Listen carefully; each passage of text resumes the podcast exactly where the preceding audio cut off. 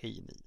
Jag vet att ni helst av allt bara vill sitta ner och lyssna på avsnittet. Men vi har en ny sak som vi vill introducera först som vi tycker är så viktigt att vi lägger in det allra först. Jo, det är nämligen så att när recensionsdelen är klar så har vi ett nytt segment som är döpt till Spoilerhörnan. Där vi tar upp stora och tunga spoilers som vi inte vill ha med i själva recensionsdelen. Det är också så att vi under recensionsdelen kommer att referera till saker och vissa av de sakerna kommer att förklaras i spoilerhörnan. Så jag hoppas att du tycker om det och att ni tycker om det ni kommer få höra nu. Mörkret sänker sig och en ful gul måne grinar i bakgrunden. Det här kan ju inte gå annat än fel.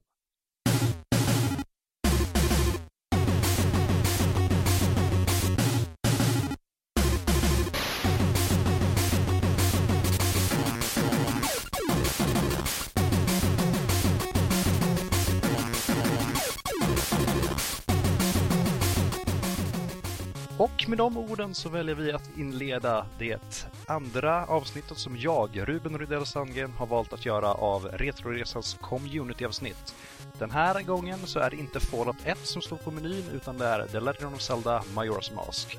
Jag ska tack och lov inte babbla själv utan med mig så har jag en vän. Jakob, du kan ju få presentera dig själv. Ja, hej, jag är då Jakob.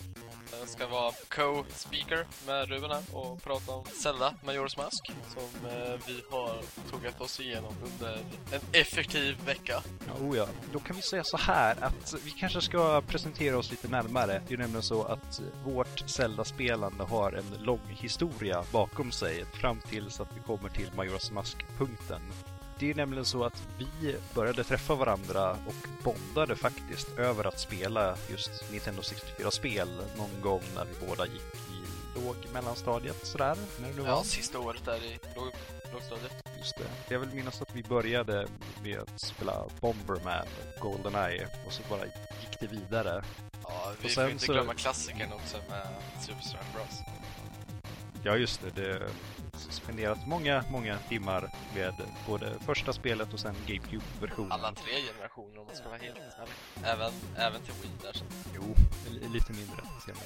Men eh, hur som helst, det viktiga är ju att vi har spelat Zelda tidigare. Vi eh, klarade Ocarina of Time ihop. Det var du, jag och min nötta guide som jag hade köpt från Club Nintendo. Det var en kul upplevelse kan man väl sammanfatta det med då. Som jag känner väl mest där. Jag tror med våra erfarenheter att klara själva spelet Ocarina of Time skulle vara något större problem för oss då vi har kört Zelda-spel innan. Men varför vi hade guiden framförallt var för att vi är tokiga på att eh, klara spelen effektivt, eh, nästan 100% och därav vill vi hitta alla små saker också. Mm.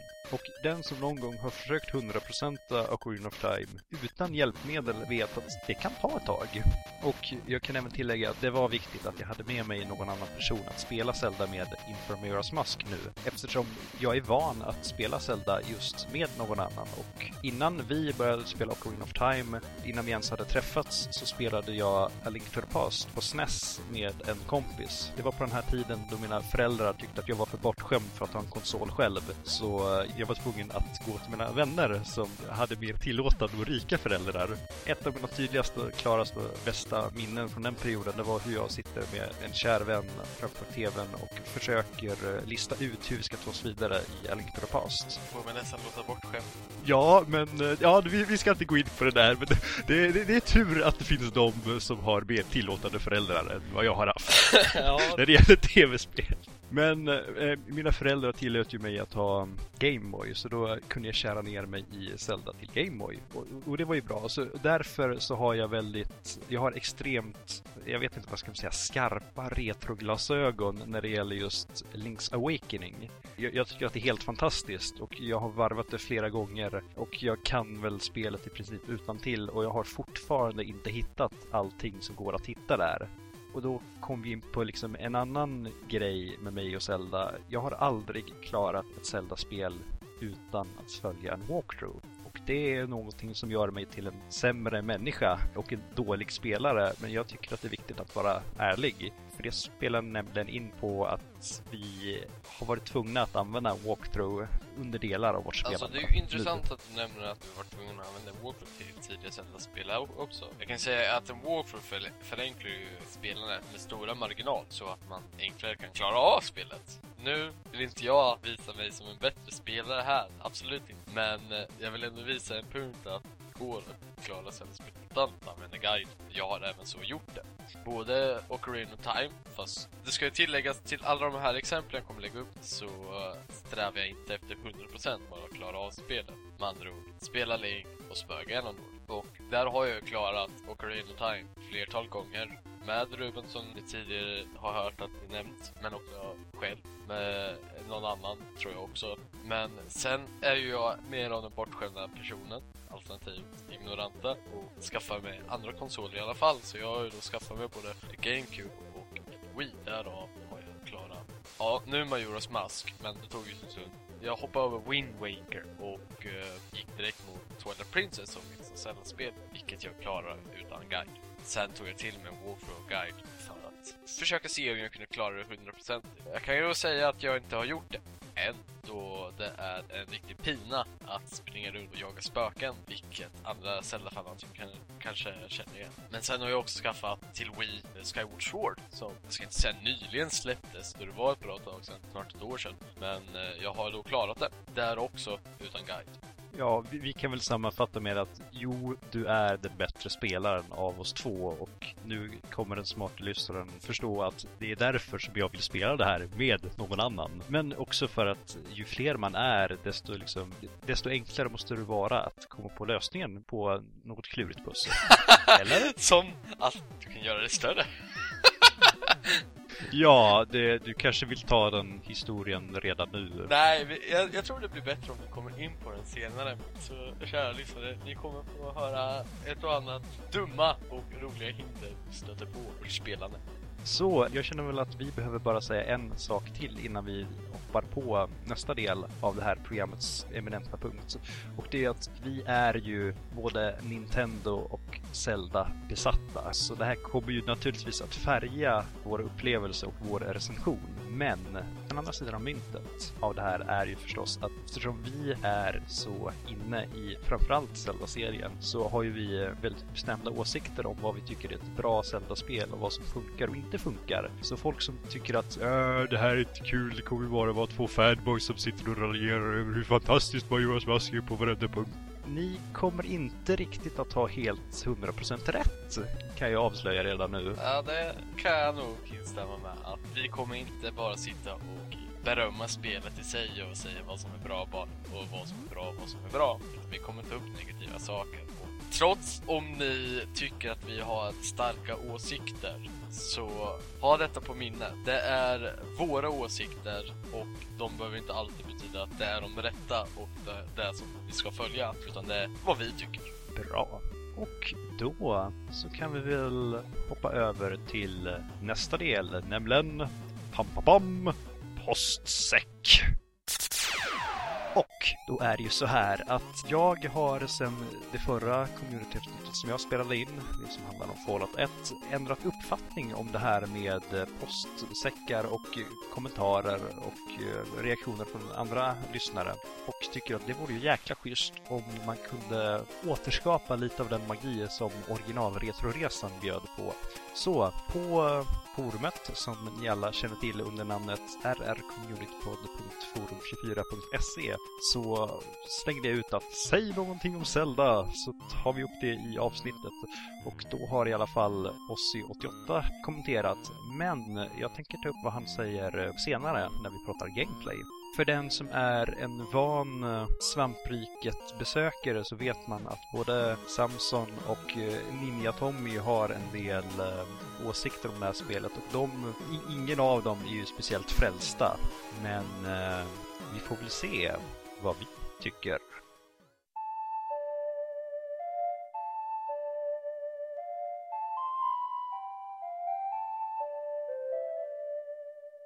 Jag tänkte att vi kör lite eh, klassisk bakgrundsinfo om spelet först och främst.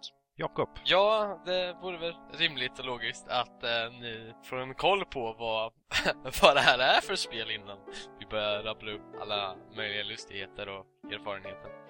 Majoras Mask är ju en eh, följetong till Ocarina Time, kan man se. Och jag tror det är, inte bara kan man se, jag tror det är slaget av Nintendo Man. Majoras Mask släpptes hur som haver år 2000 som en följetong som sagt av Ocarina of Time. Och eh, spelet går väl helt enkelt ut på att Link har rest från Hyrule för att eh, söka efter sin försvunna vän.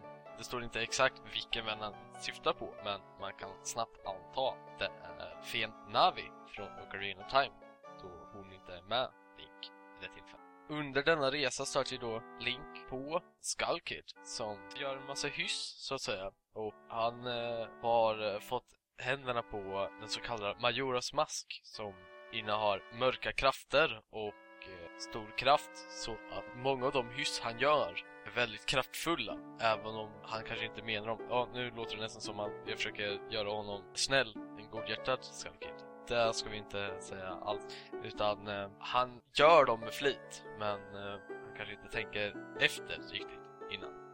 Just det, och vi kanske ska lägga till vad Skullkid är för en slags varelse. För den som har spelat eh, Ocarina of Time så eh, kan man i den förtrollade magiska fina sagoskogen stöta på en varelse som vid det tillfället vill ha en mask av den unge Link. Man skulle kunna säga att Skullkid, han eh, eftersträvar ett ansikte av Link och därav kan man då ge honom en mask vilket gör honom betydligt gladare för då har den helt plötsligt ett ansikte. Inte ett riktigt ansikte utan ett fake helt enkelt som man kan visa sig med. Då eh, uh, Skull Kids oftast betecknas som mörkgestalter under. De har visserligen ögon och mun då munnen även liknar näbb. Men det tecknas för det mesta som en mörk gestalt med två lysande ögon. Vilket man eh, kan se porträtt av om man söker på bilder. Om man söker på Skull Kids.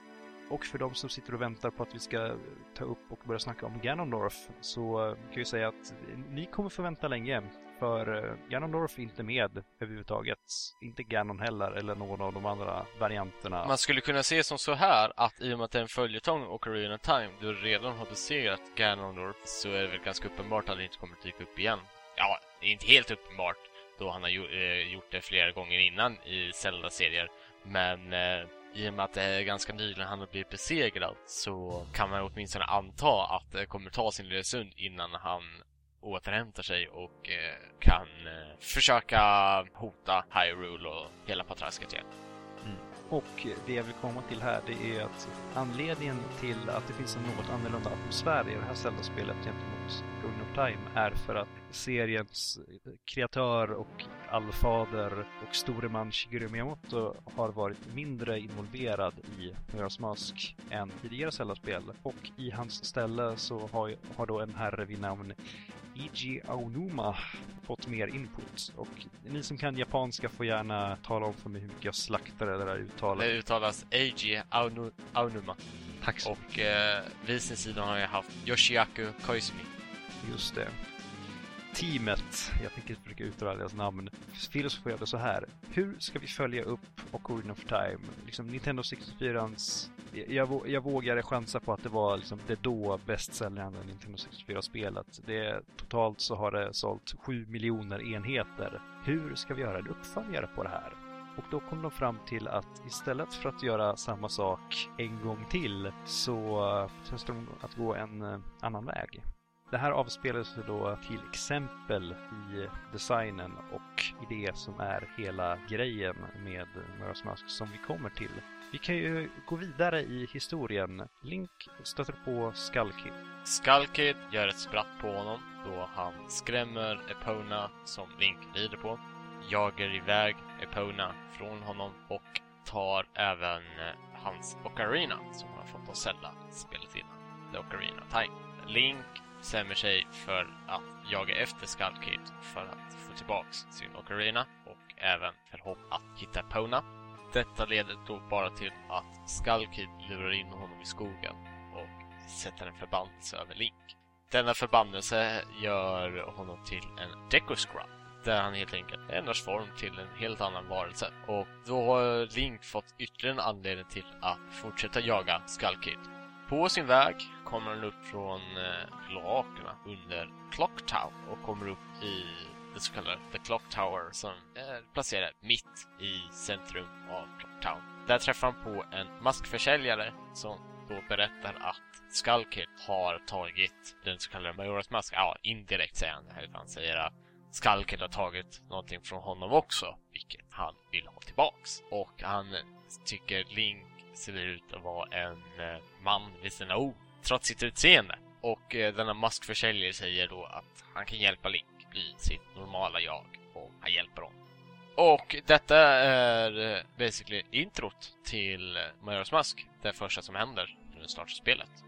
Just det. Och när Link tar steget ut från klocktornet som han har kommit upp i från kloakerna och går ut i Clocktown så har han 72 timmar på sig att förvandla sig själv till sitt vanliga jag och att rädda världen innan månen faller ner och orsakar världens undergång. Och det är ju här som det speciella med Majoras Mask visar sig. Du har tre dygn på dig och tiden tickar. Det ska påpekas att det inte är tre dygn IRL utan tre dygn i spelets form. Ja, jo, det är in-game tid. Dessa tre dygn motsvarar 54 minuter IRL, alltså in real life. Så det är inte 54 minuter per dygn? Nej. Eh, om vi ska kolla på dygn så är det bara dividerat där med tre. Okej. Okay. Vilket motsvarar ungefär 18 minuter. Och det här säger sig självt att eh, att klara ett Zelda-spel på mindre än en timme, det är ju totalt omöjligt. Så eh, Link lär sig snabbt att eh, han måste manipulera tiden. Och det här gör man ju naturligtvis genom att spela på olika instrument som man kan använda när man är i sina olika former. Men vi föregår... Ja, du, nu tar du upp en väldigt vital punkt där, att eh, sina olika former. Det är det som karaktäriserar det här spelet lite ytterligare, att eh, Link tar hjälp av eh, andra former, andra spirits, så att säga, andra, andras själar, vilket han får tilldelning av eh, deras krafter genom masker. Och eh, det är ju då detta som är lite grej med det här spelet, att istället för utrustning, ja, inte helt, ja, utan att du går och letar efter speciella utrustningar som du får i dessa olika tempel så letar han efter masker och tar del av deras styrka och egenskaper för att komma förbi sina hinder. Yes. Visst, nu finns det utrustningar som bomber och pilbåge, vilket är standard nästan i Zelda. Men eh, det är inte där man riktigt lägger fokusen på, utan det är dessa masker. Ja, och det här är ju gameplay, men vi ska inte gå våra punkter i förväg utan vi börjar lite enklare med presentationen, så grafik och design. Ja, grafiken håller sig ju väldigt snarlik med Ocarina of Time, då det är, båda är för Nintendo 64 och det var en stor grej att eh, ha ett sådant 3D-spel eh, för en Zelda-värld. Mm, och jag kan tillägga att motorn som används i Majora's Mask bygger naturligtvis på Ocarina of Time fast den är uppgraderad. Eh, Majora's Mask krävde ett Memory Expansion Pack för att fungera. Det säger någonting om spelet i sig. Tack vare Memory Expansion Pack så kunde Nintendos utvecklare använda sig av mer dynamiskt ljus, mer detaljerade texturer, förbättrade animationer, man kunde ha mer karaktärer på skärmen och man kunde ta bort den här dimman som finns i Ocarina of Time som har blivit så karaktäristisk för den tidiga 1964-grafiken. När man har grafiska begränsningar i ett 1964-spel så slänger man in dimma för att dölja att maskinen inte kan rita upp hur mycket som helst. Så med Memory Expansion Pack så kommer man förbi det här. Så det gör att man kan se långt ut i Majoras Mask-världen det, det, är lite så nördig teknisk fakta. Ja, jag, jag gillar Jag tycker det är lite roligt, billigt, lite trick att programmera.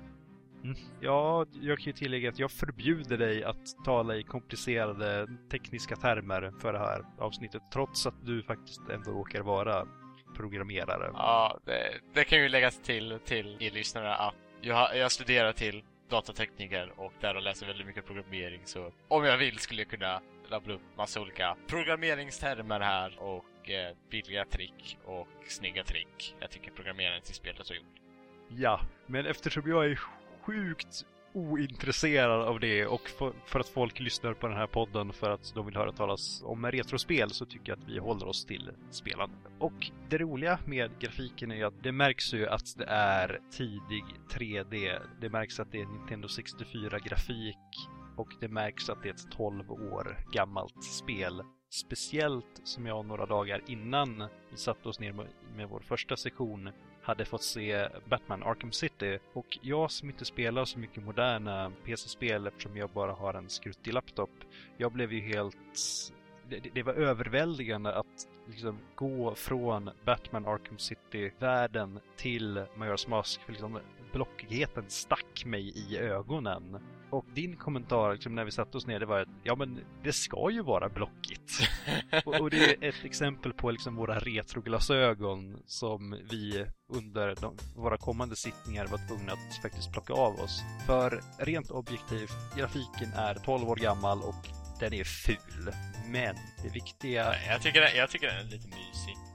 Ja, ja, men du tycker att den är mysig på grund av att det såg ut sig i Ocarina of Time och vi har väldigt bra minnen om eh, vårt Ocarina of Time-spelande. Eller? Har jag fel? Ja, ja, ja, men jag tror det. Jag tror eh, jag tycker om att den håller den designen då den är eh, programmerad för att vara för en sådan konsol. Så att det är svårt för, för dem att kunna göra mycket snygg grafik eh, till ett sådant spel. och jag tycker och där då tycker jag det, det hör lite till. Och jag tycker det är väldigt mysigt av den anledningen. Man, man myser tillbaks till sina gamla tider. Jo, men... Utan bashing. Ja. Faran med att spela retrospel. Eh, men vad jag vill vara mycket tydlig med är att här måste man skilja grafik från design. För jag kan sitta och eh, liksom klaga på grafiken. Men designen älskar jag. Jag tycker att det är liksom, det, det fångar mig direkt. Och jag har svårt att förklara det här i ord och nu är det synd att vi håller på med radio och inte video men jag får väl be lyssnare som inte har sett bilder från spelet att söka upp lite in-game-bilder. För ja, jag kan inte beskriva designen på något annat sätt än jättejapansk. Om Ocarina of Time var alltså klassisk saga med klassiska miljöer som en magisk skog, ett fint slott och sen eh, längre fram ett, vad ska vi säga, mörkrets, ondskans slott och eh, berg och sjöar och eh, hela köret så är Muras Mask mer oförutsägbart. Och det är liksom det känns verkligen som att det här, här kommer vi, här har vi fått kika in i en japans hjärna och det är inte riktigt sådant som jag direkt skulle förknippa med Zelda. Det, förstår du vart jag är på väg? Ja, ja, jag förstår ju vart du är på väg eh, i och med att jag satt vid din sida då du även tog upp det här när vi satt och spelade. Ja, kära lyssnare, det är faktiskt rätt svårbeskrivligt utan det här är en känsla man får när man spelar. Om inte miljön lyfter fram att det är japanskt så till en början, kolla på månen. Där har ni någonting sjukt. För det andra, när man springer runt där i Clocktown och stöter på alla dessa olika personer som existerar och bor där. Så förekommer sådana typiska grejer som typ japaner framhäver. här får vi nästan ge ett exempel. Du, du kan väl berätta om Tingle? Ja, kan ju då säga så. Ni Zelda-fanatiker där ute redan, ni vet ju garanterat vem Tingle är. Han gör sig verkligen sedd, så att säga. Uh, men ni som inte är lika insatta i Zelda, till en början vill ha en bild på honom så kan ni söka på Tingle. Det är väldigt enkelt skrivet. T-I-N-G-E-L. Tingle. Uh, hans karaktärsdesign är one of a kind. Han är en liten person som klär sig i gröna trikåer och han tror sig vara en elva. Och eh, han livnär sig på att sälja kartor och kommer på mm. egna magiska ramsor. Och är full av sig själv och eh, ja, han dessa rörelser och kommentarer han gör är någonting som känns väldigt japanskt. Ja, och så kan vi lägga till att naturligtvis så knallar han inte omkring, omkring på marken som vilken vanlig person som helst, utan han flyger omkring i en röd ballong. Och för att få kontakt med han måste ju då skjuta ner han. Genom att spräcka ballongen. Med pil eller, ja, bubblor. Så, sammanfattningsvis så är Tingle vad du skulle få om Link växte upp var en, och var en dvärg som, som ville cosplaya Link. Typ sådär. Det, det, det, det jag tycker är lite roligt med spelet också är att eh, man kan ju stöta på Tingles pappa och han skäms över Tingle. Mm. Så han försöker neka att han son. Också en sån här fin, en av de fina dolda sakerna som man kan fram om man gräver lite. Men eh, det är ju ett exempel på vad som skiljer Termina från Hyrule, som skiljer de två världarna åt. Och eh, det mesta i den nya världen, Termina, har också en skräcktouch. Och det här knyter an väldigt fint till de teman som finns i spelet och liksom spelets övergripande presentation. För som sagt, nu har vi tagit oss från den klassiska sagan till den klassiska sagan fast i en förvriden skräcktappning filtrerad genom en japans ögon. Exempel på teman. Vi har världens undergång. Vi har tidsbrist. Vi har ensamhet, sorg, melankoli. Och det är väldigt mycket doom and gloom. Och någonstans i botten så finns det ett, en röd tråd som handlar om vänskap som går igenom hela spelet. Och det finns lite ro olika roliga teorier för folk som tycker det är kul att sätta sig ner och analysera tv-spel. Och det finns bland annat en, en teori som går ut på att eh, uh, Miras Mask beskriver de olika stadierna som, som man upplever när man är i sorg. Ni som tycker att det här låter intressant kan ta och leta upp det på nätet. För eh, om du inte har något mer att tillägga om eh, presentationen så tycker jag att vi börjar snacka om ljud och musik. Ljud och musik. Ja, vad ska vi säga här? Musiken är gripande. Den tar verkligen tillfället i akt till eh, ens miljöer och eh, är väldigt passande måste jag säga eh, till vart man eh, hamnar i Termina. Med vissa undantag av ett tempel. Ja, vad är det för tempel du tänker på då? Det första templet, Träsktemplet. Jag tycker inte om operasången äh, Okej, okay. ja det är ljuden som låter som operasångare enligt oss. ja. Alltså, jag måste säga att om, om, man tar bort dem, då är musiken i Wordfall Temple riktigt schysst. Absolut. Måste jag säga. Det är en rolig grej där jag tänker ta upp med bossen där inne också, men det, det, det är när vi kommer dit sen. Mm. Ja, alltså det, jag måste säga att eh, det är Koji Kondo som uh, står för musiken. Vilket uh, de också gjorde för Ocarina Time. Ja, och ännu längre tillbaka som i A Link to the Past och så vidare och så vidare. Och på det stora hela så liksom, det, det är bra grejer. Det, det, finns inte många stycken som uh, låter dåliga. De kan sin sak så att säga. Oh ja.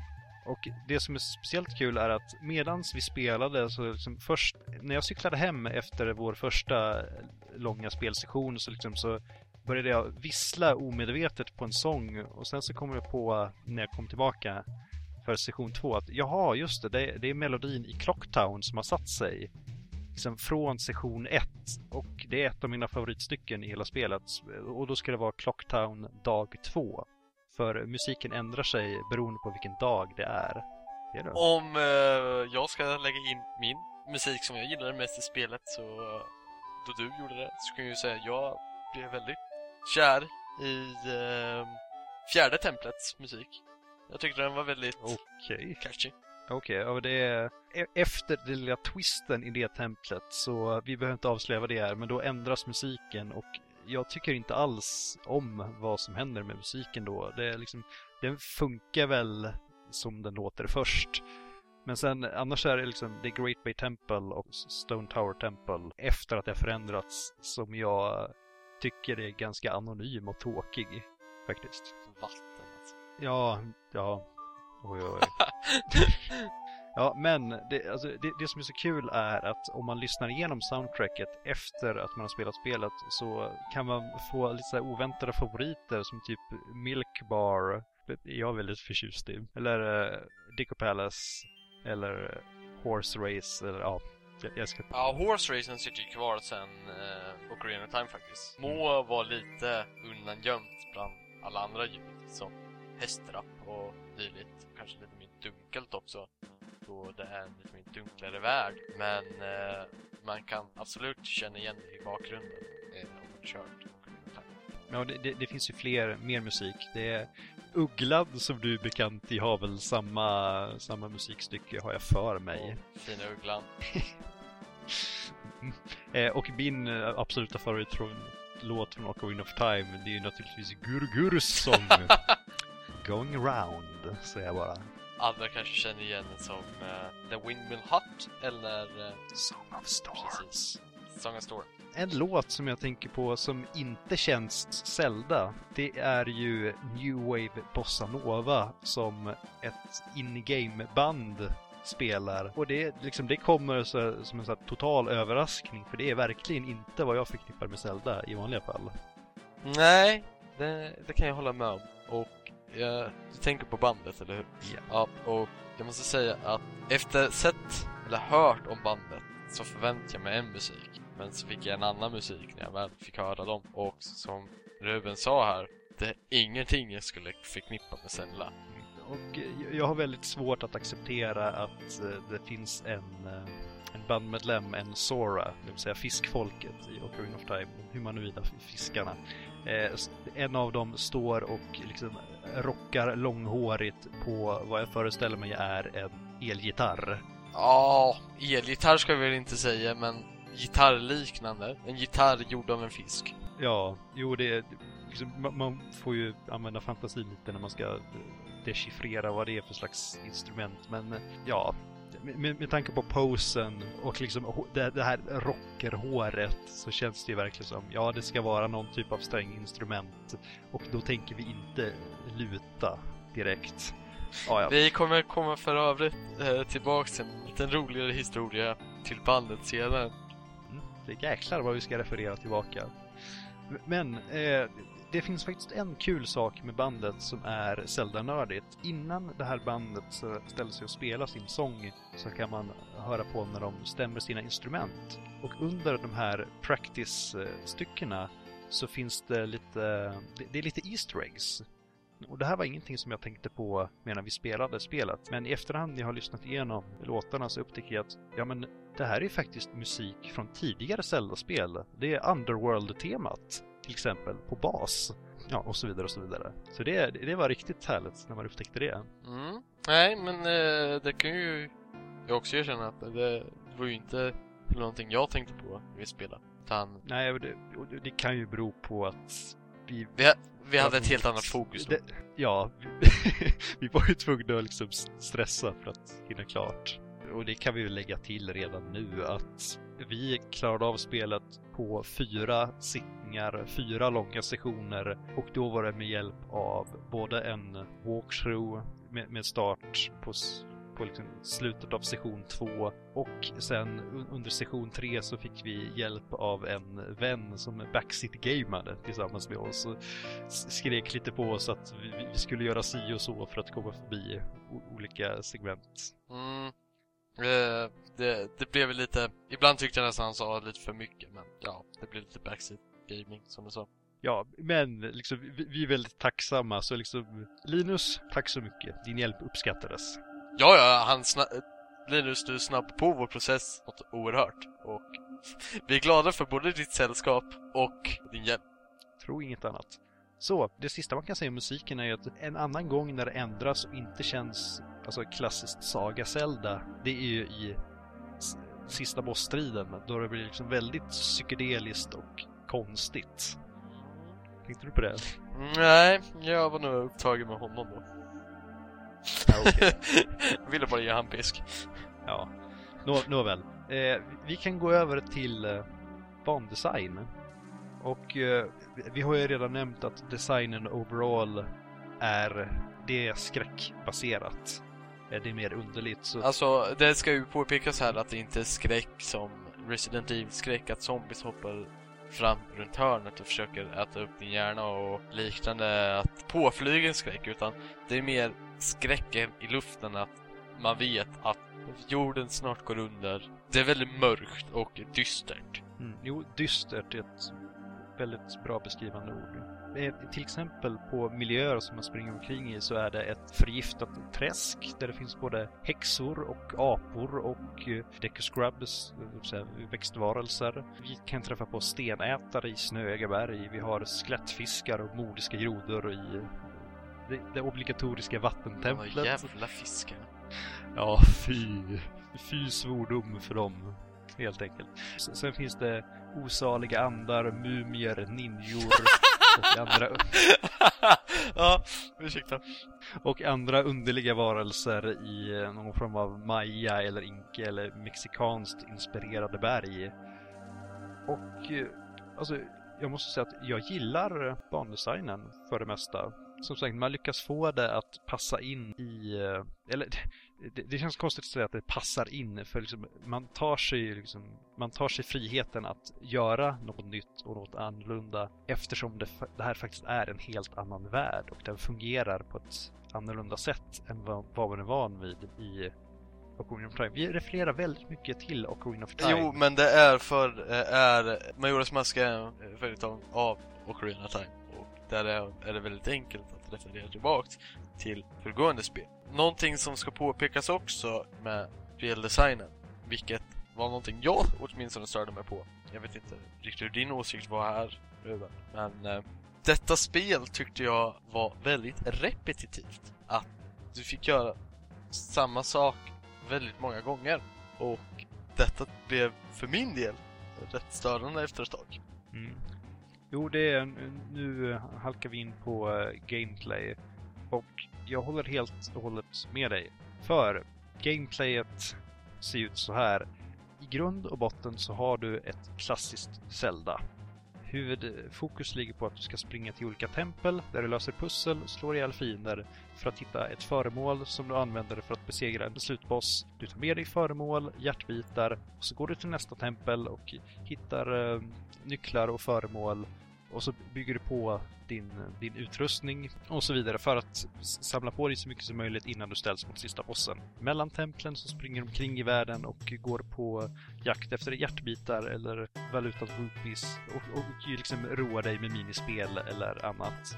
Poängen med Majora's Mask är ju, ja det finns två, två stora grejer.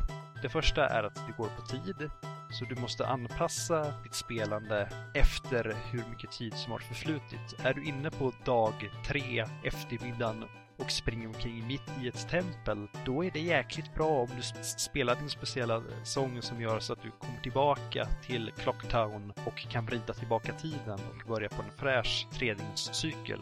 Annars kommer du inte klara det. Det tempel i Zelda tar tid. Och att då göra det här tidsbegränsat, det är ju... Det kanske kan låta som en intressant idé på papper, men det är ju fruktansvärt irriterande när man spelar det och inte vet precis hur man ska springa direkt från början. Och då ska vi säga att den andra stora grejen med spelet, det hörs redan på titeln. Det, här har vi fokus på masker. Masker ger Link olika förmågor och vissa saker som Link behövde utrustning i Ocarina of Time för att utföra. Om man vill göra samma sak med som Mask så använde man masker. Till exempel så använder man en Sora-mask för att bli Sora Link. Och då kan man simma under vattnet, klära omkring på havsbotten om man så vill och använda de vapen som man har då som någon slags naturliga bumeranger. Men nu, nu babblar jag på. Jakob, fortsätt. Fortsätt vara. Eh, Vad tycker vi om att det är repetitivt samtidigt som vi spelar under tidspress? Tidspressen, om man ska börja med den, var någonting jag ställde mig väldigt starka känslor mot jag tog spelet i hand. Jag tänkte direkt att klara det här under tidspress och du måste envisas med att vrida tillbaks till första dagen för att klara spelet. Det här kan inte bara mer än sluta illa. Jag kommer nog inte tycka om det här, sa jag. Och la tillbaka det på hyllan. Det tog mig fyra gånger innan jag hade klarat spelet. Inte för att jag är så dålig eller för att jag tyckte det var tråkigt. Utan det tog fyra gånger för jag försökte två gånger med Ruben innan. Och båda slutade i stort sett med samma visa. Att eh, första gången så bodde Ruben fortfarande i Linköping. Och ja, vi försökte äh, spela det, men sen flyttade han. Och då var vi tvungna att stoppa. Andra gången vi skulle köra sa vi, vi börjar om. Vi eh, ta det här från början, för vi har glömt för mycket. Så började vi om. Och eh, då blev det ungefär samma sak. Vi hann inte speciellt långt innan Ruben var tvungen att åka hem igen till Umeå. Och eh, ja, då var vi tvungna att stoppa där med. Tredje gången jag körde så körde jag med en annan vän. Och ja, det blev lite samma sak där fast inte helt och hållet samma. För hon och jag sa att vi skulle ha ett Zelda maraton och köra alla möjliga Zelda-spel. Men eh, det, blev det blev inte så mycket maraton då vi bara satt och spelade en kväll. ja, det, det var en bra tanke för Zelda ska spelas tillsammans. Precis. I, i alla fall om det är... Hur som haver, Konsol... fjärde gången var denna gång som Ruben och jag nu klarade det. Och då måste jag säga att jäklar vad jag kunde vad man skulle göra i början. Där gavs vi igenom ganska snabbt. Ja, oh ja, ja det, det märktes ju att du hade varit med förr. Medan jag försökte minnas tillbaka till hur saker och ting funkade i tre dimensioner. Hur som haver, det, det var lite back in the days. Tillbaks till, uh, nutiden. nutiden och att det spelas under tidspress. Det här är väl en intressant faktor. Men också lite, ja, det, den föll mig inte i smak om man säger så. Jag kunde stå ut med den under spelets gång, men det är ingenting jag föredrar i kommande Zelda-spel. Jag föredrar hellre som Ocarina Time och andra spel såsom Twilight Princess och Skyward Sword att du har din öppna värld, du kan springa fritt och du behöver knappast oroa dig om att vrida tillbaks dygnet. Trots att det var en cool design. Repetitivt, som jag var inne på, det är det blir väldigt mycket repetitivt när man måste vrida tillbaks dygnet till första dagen. Måste tilläggas. För allting återställs. Förutom vitala föremål som du samlar på dig. Även om du skulle ha en pilbåge så måste du dock samla ihop nya pilar, för de försvinner. Så bara vrida tillbaks dygnet till första dagen gör det repetitivt och du måste göra om allting. Ja, förutom besegra bossarna om du inte vill ha dess specialeffekt efter.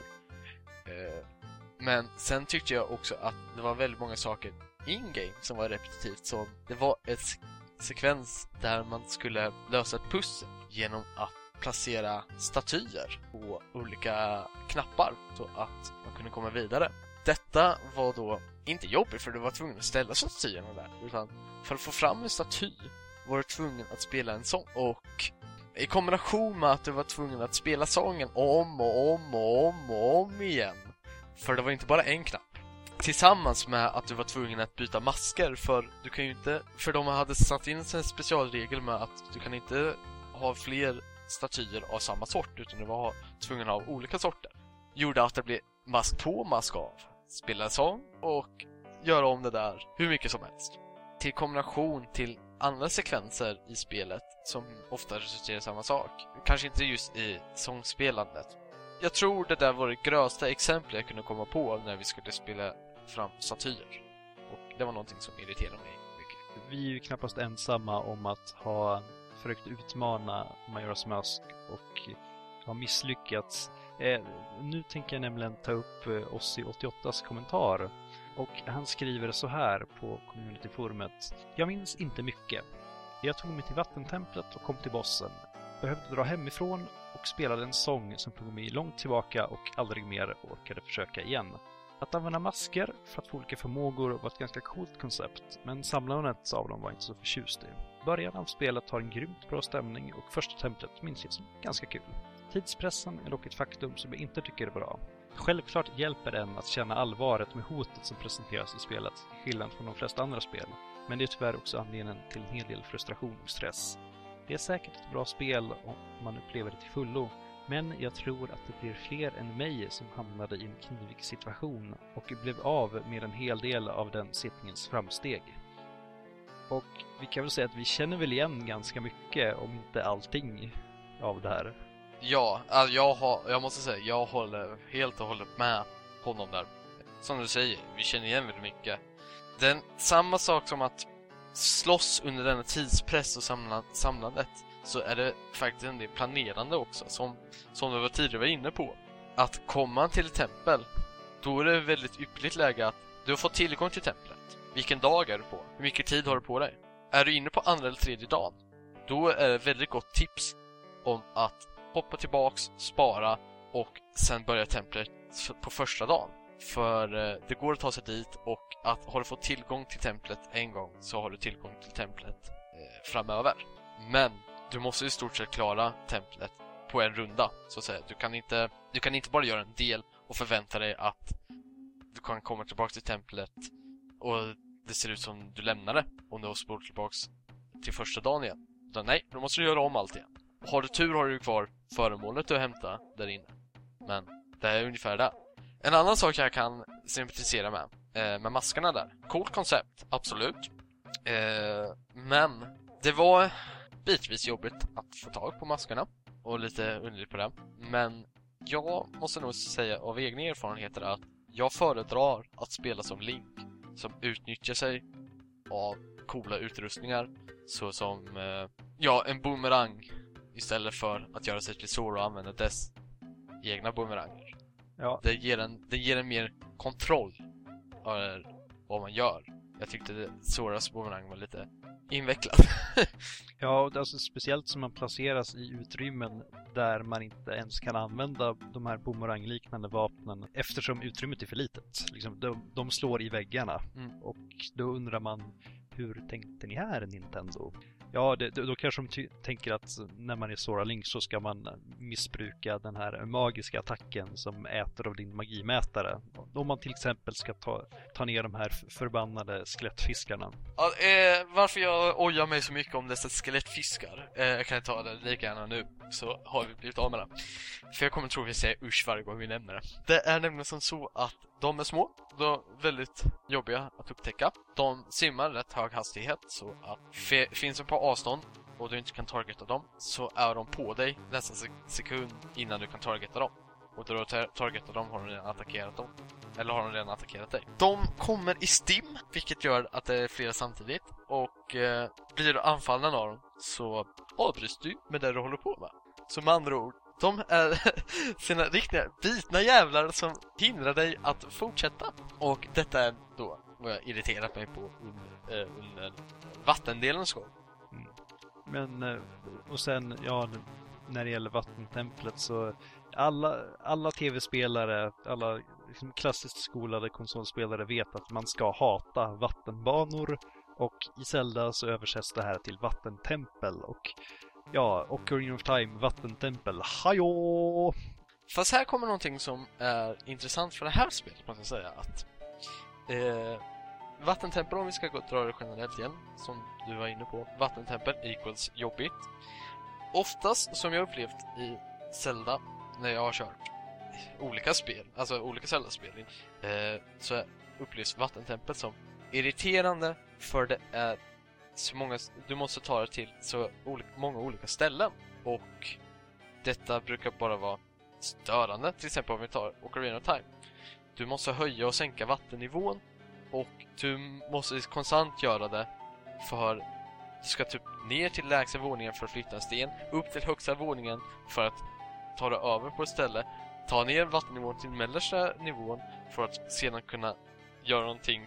Ja, och det där repeteras på ett störande sätt. Här kommer en, då en rolig grej, tycker jag, är att vattentemplet i Majoras mask ansåg inte jag var det jobbigaste templet i detta spel. Utan jag ansåg att det var, eh, ja, den höll sig på en någorlunda enkel bas. Den var visst lite störande med sin strömvirvel, det måste jag erkänna. Men inte mycket mer än så. Det jobbigaste templet tycker jag faktiskt är det sista templet, stentemplet, Stone Tower Temple, som var desto lustigare med dess twist. Mm. Alltså när det gäller vattentemplet så kan jag säga så här att i Ocarina of Time så var det där man kände att åh herregud, här måste vi ha en guide. I Majora's Mask så var det som man tänkte innan man kom in i spelet. Och sen så när vi väl hade kommit in och innan vi hade fattat vad som var grejen i det templet så satt det hela tiden och sa att man kommer att göra någonting med vattnet. Jag bara känner det på mig och det kommer vara svårt och det kommer vara jobbigt. Men sen så visar det sig att det jobbigaste i vattentemplet det är ju snarare precisionshoppen som man ska göra. Och vi, vi kan ju säga att det var i vattentemplet framför allt som vi fick hjälp av vår kära kamrat Backseat Linus. Enligt min åsikt tyckte jag han var... Men han var till mest nytta efter templet, inför Stone Tower Temple. Jo, jo, men det här säger du bara för att du liksom fortfarande inte har bearbetat den här upplevelsen att han påpekade en väldigt uppenbar detalj. ja, den, den kan vi ta nu med, lika gärna. Det var en sak där inne som han påpekade, vilket gjorde mig lite, eh, vad ska man säga, det var en fullträff på min spelarstolthet. Han nämnde flera uppenbara grejer, vilket jag ansåg hela tiden under tiden vi spelade Vattentempel att ja Linus, det där kommer jag själv komma på. Det där hade du inte behövt säga, det där hade du inte behövt säga. Det där, det där är sånt som jag kommer på själv. Men så var det vid något tillfälle som liksom, vi inte kunde ta oss på något ställe. Och jag bara, i, hur ska man komma dit då? Jag kan inte komma, jag kan inte hoppa upp här. För jag är för kort. Link når inte. Jag kan inte hoppa över. För hoppet är för långt. Och då säger Linus så um, kan du inte sätta på dig Sora-masken då? För då blir du längre, då kanske du når upp. Mitt spelarego säger Det kan väl inte vara så simpelt? Ja men testa säger Linus. Okej? Okay? Ja.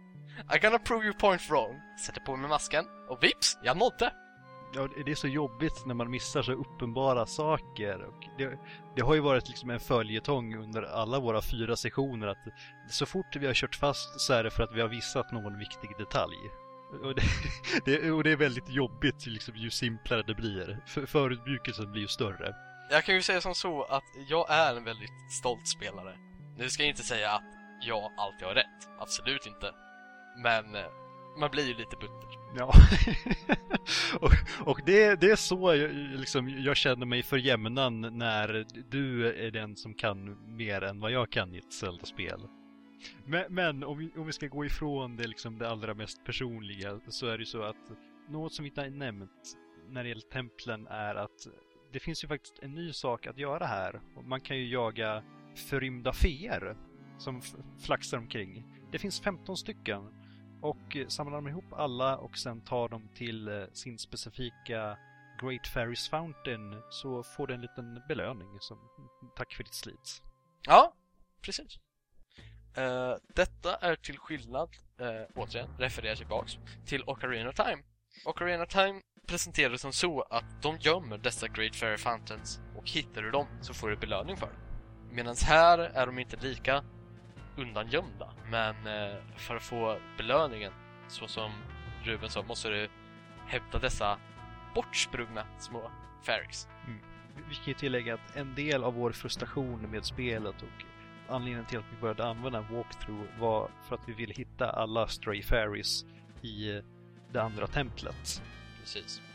Och det är liksom, då, då, har vi återigen det här att inte nog med att du först och främst, du har tre dagar på dig, du ska ta dig, först ska du ta dig till ditt tempel. Sen, när du väl är där så ska du lista ut hur det fungerar, du ska försöka jaga upp alla 15 infernaliskt och liksom svårgömda fairies. Sen så ska du liksom ta dig till bossen, klara den, sticka till Great Fairy Fountain, få din belöning och sen så sticka tillbaka till Clocktown och om du har lite tid över så kanske du vill springa och spara dina ihopsamlade rupees i banken som håller det.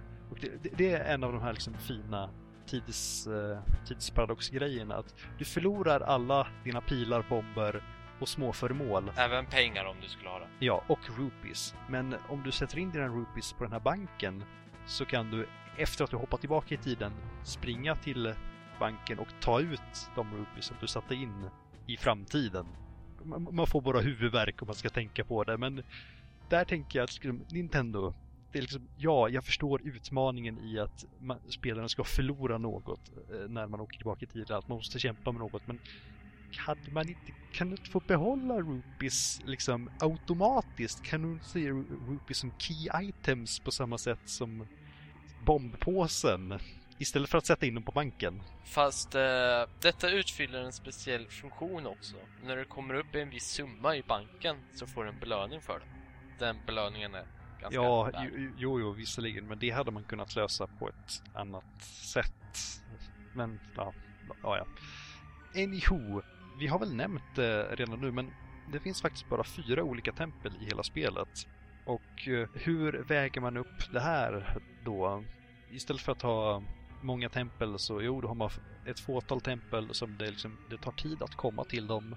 Och när man väl kommer till dem så är de innehållsrika, de är långa och de är svåra.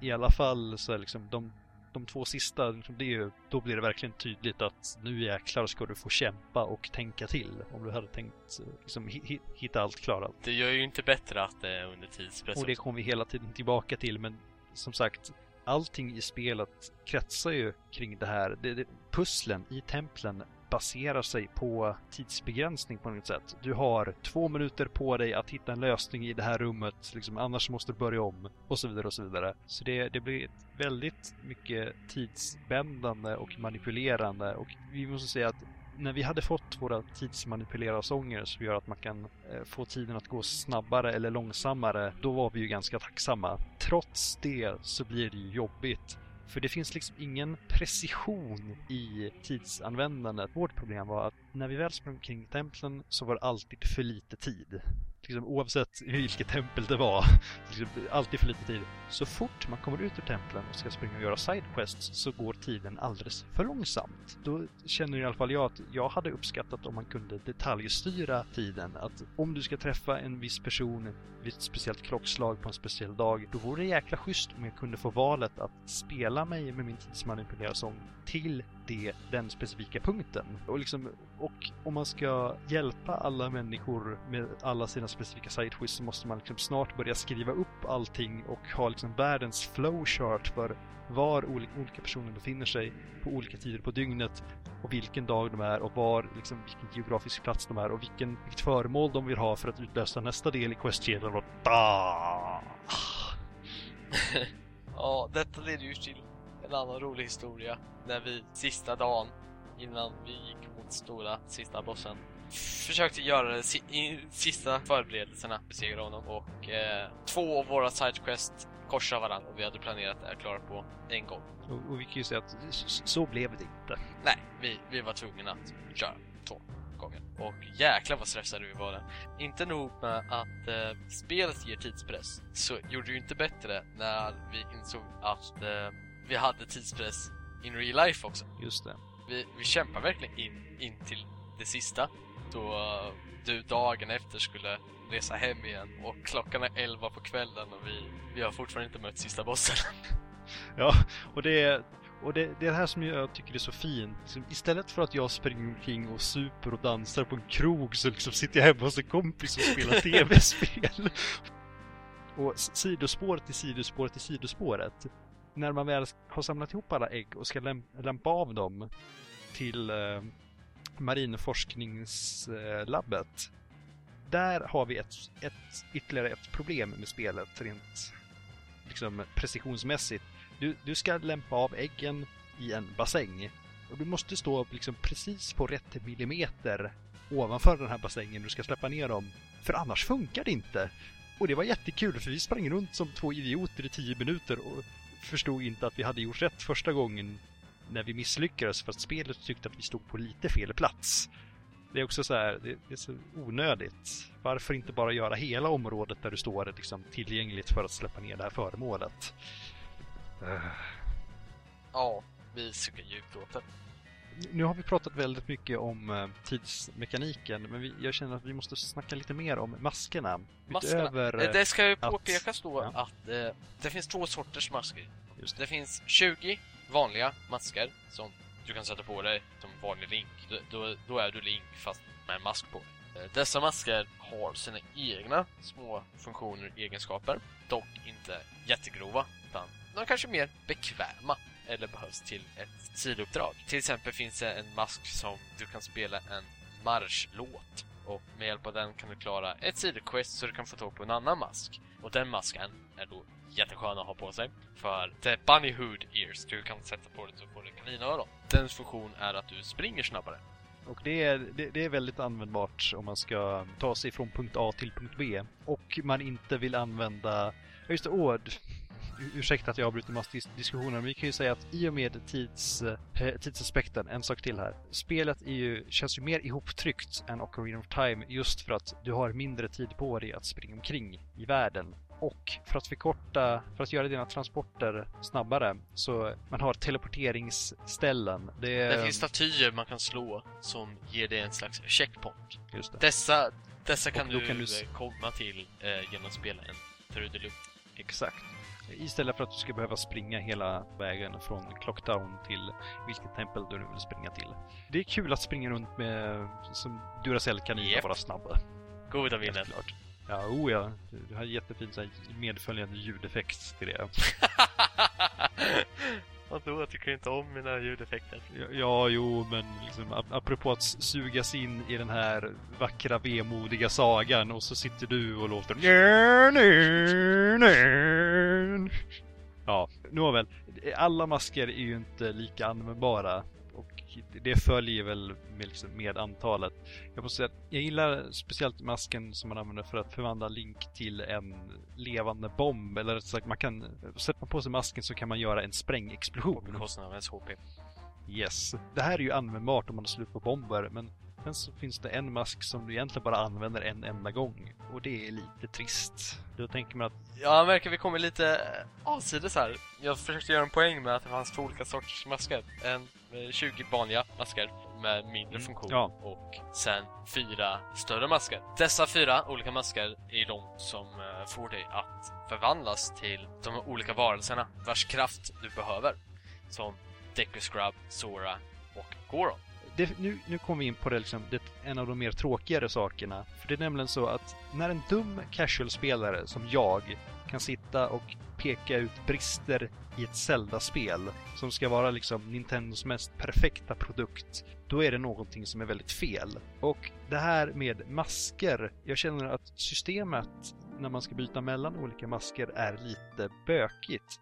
Ja, visst, du har eh, dina, utöver svärd och sköld som du alltid har, så har du förmågan att ha tre andra föremål som du snabbt kan eh, sätta på dig genom att använda C-knappen på Nintendo 64-kontrollen eller C-spaken om man använder en GameCube-dosa. Men ibland liksom så skulle man vilja ha det här ännu enklare. Jag känner att jag skulle vilja ha en meny där jag kan välja fritt mellan alla masker. Ungefär som man kan byta vapen via snabbmenyn i Rares Perfect Dark. Du vet, du håller in eh, om det är A eller B-knappen och sen så får du upp en meny och så drar du bara styrkorset till det föremål du vill ha och så släpper du knappen och så har du det. Detta fyller en viss svårighet då Nintendo 64 och faktiskt GameCube-kontrollen har, nu kommer det låta väldigt dumt, har för få knappar för den? Nu är det inte säkert, alltså nu skulle man säkert kunna argumentera varför de inte har för få knappar.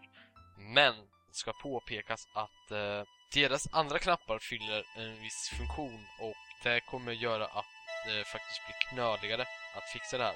Däremot, om, om man ska bygga på, nu kommer den här programmeringshindret in igen, eh, bygga på din idé så skulle man kunna ha en sån meny för varje C-knapp. Att håller du in till exempel C höger så får du eh, distansvapen som du kan byta mellan. Håller du in C neråt kanske är alla masker. Och håller du in C höger så kanske du får, vem vet, musikinstrument, bomber och annat dylikt. Mm. Men eh, det är nog en design Jo. de inte riktigt tänkte på i detta tillfälle då det är väl, eh, då Zelda är väldigt känd ska jag väl inte säga, men välbekant med att gå in i menyn och byta. Mm. Ja, det... Nej. Nåväl. Och sen liksom apropå det här med förbättra gameplay så vi, vi har redan varit inne på att det, det vore schysst om man kunde sköta det här eh, momentet med att placera ut statyer på ett smidigare sätt. Till exempel, istället för att man frammanar sin staty som ska stå på en knapp genom att spela en sång, så varför skulle jag inte kunna ha den här statyframmaningssaken som ett föremål istället? Då skulle jag bara behöva trycka en enda gång istället för att spela den här sången typ 265 gånger och sen inse att man ändå har gjort fel och måste göra om det. Eller ännu bättre, den som kommer till toppen inser att da- dagen håller på att ta slut, eller sista dagen håller på att ta slut, måste spela tillbaks, springer tillbaka och sätter dit alla statyer på nytt. Den där, den där sången man spelar sätter sig i fingrarna till slut. Ja, till och med jag som har väldigt svårt för att lära mig just sånger i Zelda kunde faktiskt lära mig den. Jag kunde den och sen spela mig tillbaka till, eller transportsången. Eh, vad heter den? Song of, eh, Song of Soaring. Song of Soaring. Eh, och, och apropå Song of Soaring och att spela sig tillbaka i tiden så Zelda-spel ska inte stressas igenom. Och det känns så synd i fr- framförallt Nintendo 64 Zelda-spelen eftersom jag upplever dem som de största och mest ambitiösa open world-spelen till den konsolgenerationen. Alltså Nintendo 64 det finns så mycket som man vill göra i ett Zelda-spel. Jag vill springa omkring och utforska och jag vill göra det fritt utan att känna mig begränsad av tiden. Tid, det är det sista jag vill tänka på i ett Zelda-spel. Ja, visst, man kan ha det för enskilda pusselmoment. Även om jag inte gillar det där heller så går det att tolerera. Men nu bygger man faktiskt ett helt spel kring tidsmanipulationsmekanik. Och då blir det lätt att man känner sig stressad och känner man sig stressad så missar man lätt viktiga saker och då blir man irriterad och då kommer vi tillbaka till det här med backtracking och repetition. Om man dessutom spelar som vi gjorde, nämligen med tidspress i det riktiga livet också, så blir det verkligen inte skoj och det kanske kan vara ge ytterligare stöd för vår argumentation att ja, liksom, vi, vi, får erkänna att vi, vi är lite sämre spelare, vi använder walkthrough. Men det, det var i ett gott syfte. Eh, vi vill ju klara spelet för att göra en recension av det. Vi hade säkert kunnat sp klara spelet utan walkthrough. Vi är inte så dåliga, vi måste med utan vi gjorde bara smidigare för oss för att kunna ge denna podcast. Ja, och vi kan ju säga att vi kommer att återvända till Majora's Mask när vi har tillfälle att sätta oss ner och spela tillsammans igen. Och då ska vi 100% det utan walkthrough, hade vi tänkt. Och hur det ska gå, det har jag ingen aning om, men det, något måste man göra när man har besegrat sista bossen också. Tråkigt vore det annars. Ja. Men eh, det, det är framtiden. Jag tror det kommer bli väldigt jobbigt att 100% ja, men det, det ska vara lite utmaning. Jag tror det är en väldigt viktig skillnadsfaktor på vilken konsol du faktiskt spelar på. Om du till exempel spelar på original Nintendo 64 eller om du gjorde som vi, använde en Zelda Collection Disc till GameCube med de här fyra olika spelen Zelda 1, 2, Ocarina Time och Majora's Mask och använde GameCube-kontroller GameCube-kontrollen är betydligt mycket mer snabbsvarande, man ska säga. Den, den är mycket effektivare än Nintendo 64-kontrollen. Vilket gör att styrspaken är betydligt mjukare och snabbare på att reagera. Och detta gör att när man förväntar sig i ett sånt här spel att man vrida sig kanske sakta men ändå tillräckligt snabbt för att kunna avfyra en pil mot en boss så har du en tendens att vrida för mycket med en GameCube-kontroll mm. för att den är så känslig. Och detta i störande moment när det gäller precision förekommer störande i spelet. Ja, alltså nu är det ju helgerån att säga det här för man får inte tycka om Nintendo 64-generationen och speciellt inte kontrollen men jag har nog aldrig längtat tillbaka till den kontrollen så mycket som när jag spelade. som när jag använde GameCube-kontrollen här. Som du säger, analogspaken på GameCube Dosa, den är för känslig. Den är inte anpassad för Nintendo 64-spel överhuvudtaget. Och jag vill inte ha en C-spak som sitter nere nära min högra tumme, utan jag vill ha C-knapparna på 1964-kontrollen. Liksom, vi har spelat så pass mycket 3D Zelda till 1964 så jag kan den kontrollen. Då vill jag ha den kontrollen. Så då kan man ju fråga sig varför vi inte körde det hela till 1964 och det beror på att ingen av oss faktiskt äger en 1964-version av Majora's Mask och jag har visserligen ett Nintendo 64 med Memory Expansion Pack, men vi, vi, liksom, vi tyckte det var enklare att spela Majora's Mask på GameCube när du ändå hade det. Och liksom GameCube-dosa och både GameCube och Wii. Liksom, det var lite enklare. Jo. Jag vill säga, liksom, vad, vad är problemet med C-spak? Det är väl bara att den sitter annorlunda? Nej. Agerar annorlunda också. Eh, då du vill kanske ha en knapp att skjuta med så får du nu en spak att skjuta med. Och det, det blir inte riktigt samma sak för liksom det är enklare att slinta med C-spaken och liksom trycka någon helt annan riktning mot vad du egentligen hade tänkt. Jag kom ju hela tiden åt X eller Y-knapparna på GameCube-dosan eftersom jag inte tänkte på att det var just en kubdosa och inte en 64-kontroll jag satt med. Sånger är betydligt mycket effektivare att spela på en 64-dosa än en GameCube-dosa. På, på tal om att oh, ja. knappar är snabbare att agera med än en spak. Så du måste dra höger, vänster, mm. upp, ner. Mm. Och apropå svårighetsgrad och liksom utmaning, vi har ju varit inne på det hela tiden, men det här är ett svårt spel. Och liksom det, det, hjälps ju inte av att man blir pressad. I, I, vårt fall från två håll av tiden, men för en liksom vanlig spelare, säg Ossi 88, liksom, det, liksom, det, det, räcker med tidspress på en, på en nivå liksom, och redan det är för mycket. Jag undrar hur många av dem som köpte Majora's Mask som faktiskt klarade det då, år 2000. Jag tror inte att det var alla. om man tänker ungdomar i våra dagar, om man ska säga, då vi var 9-10, kan ha haft en och annan problem med det. Medan, säg personer som är vår ålder idag, alltså närmare 22, skulle nog ha samma svårighet som oss som vi gjorde det nu när vi körde det, utan tidspressen den riktiga världen då. Så jag tror att det har nog väldigt mycket med hur van spelare man är. Ålder har nog en stor faktor, men framförallt vana. Är du van vid sådana spel tror jag att du klarar det effektivare. Jo, men alltså samtidigt, det var ju också en sån där sak som jag sa på förhand att, även vadå, vi har ju spelat Ocarina of Time så mycket så att det här kommer liksom, vi, vi vet ju hur allting funkar. Det, det här kommer vara hur lätt som helst. Möjligtvis att det kommer bli jobbigt med tiden. Men det är ju helt feltänkt om du går in med ditt Ocarina of Time mindset och tror att föremål kommer göra samma sak i de två olika spelen så tror du ju fel. Liksom, till exempel, hur hanterar du is i Ocarina of Time? Jo, då kan du antingen slå sönder dem med din Megaton Hammer eller bränna bort det med eldpilar eller försöka spränga bort dem eller liksom hälla blå eld på den.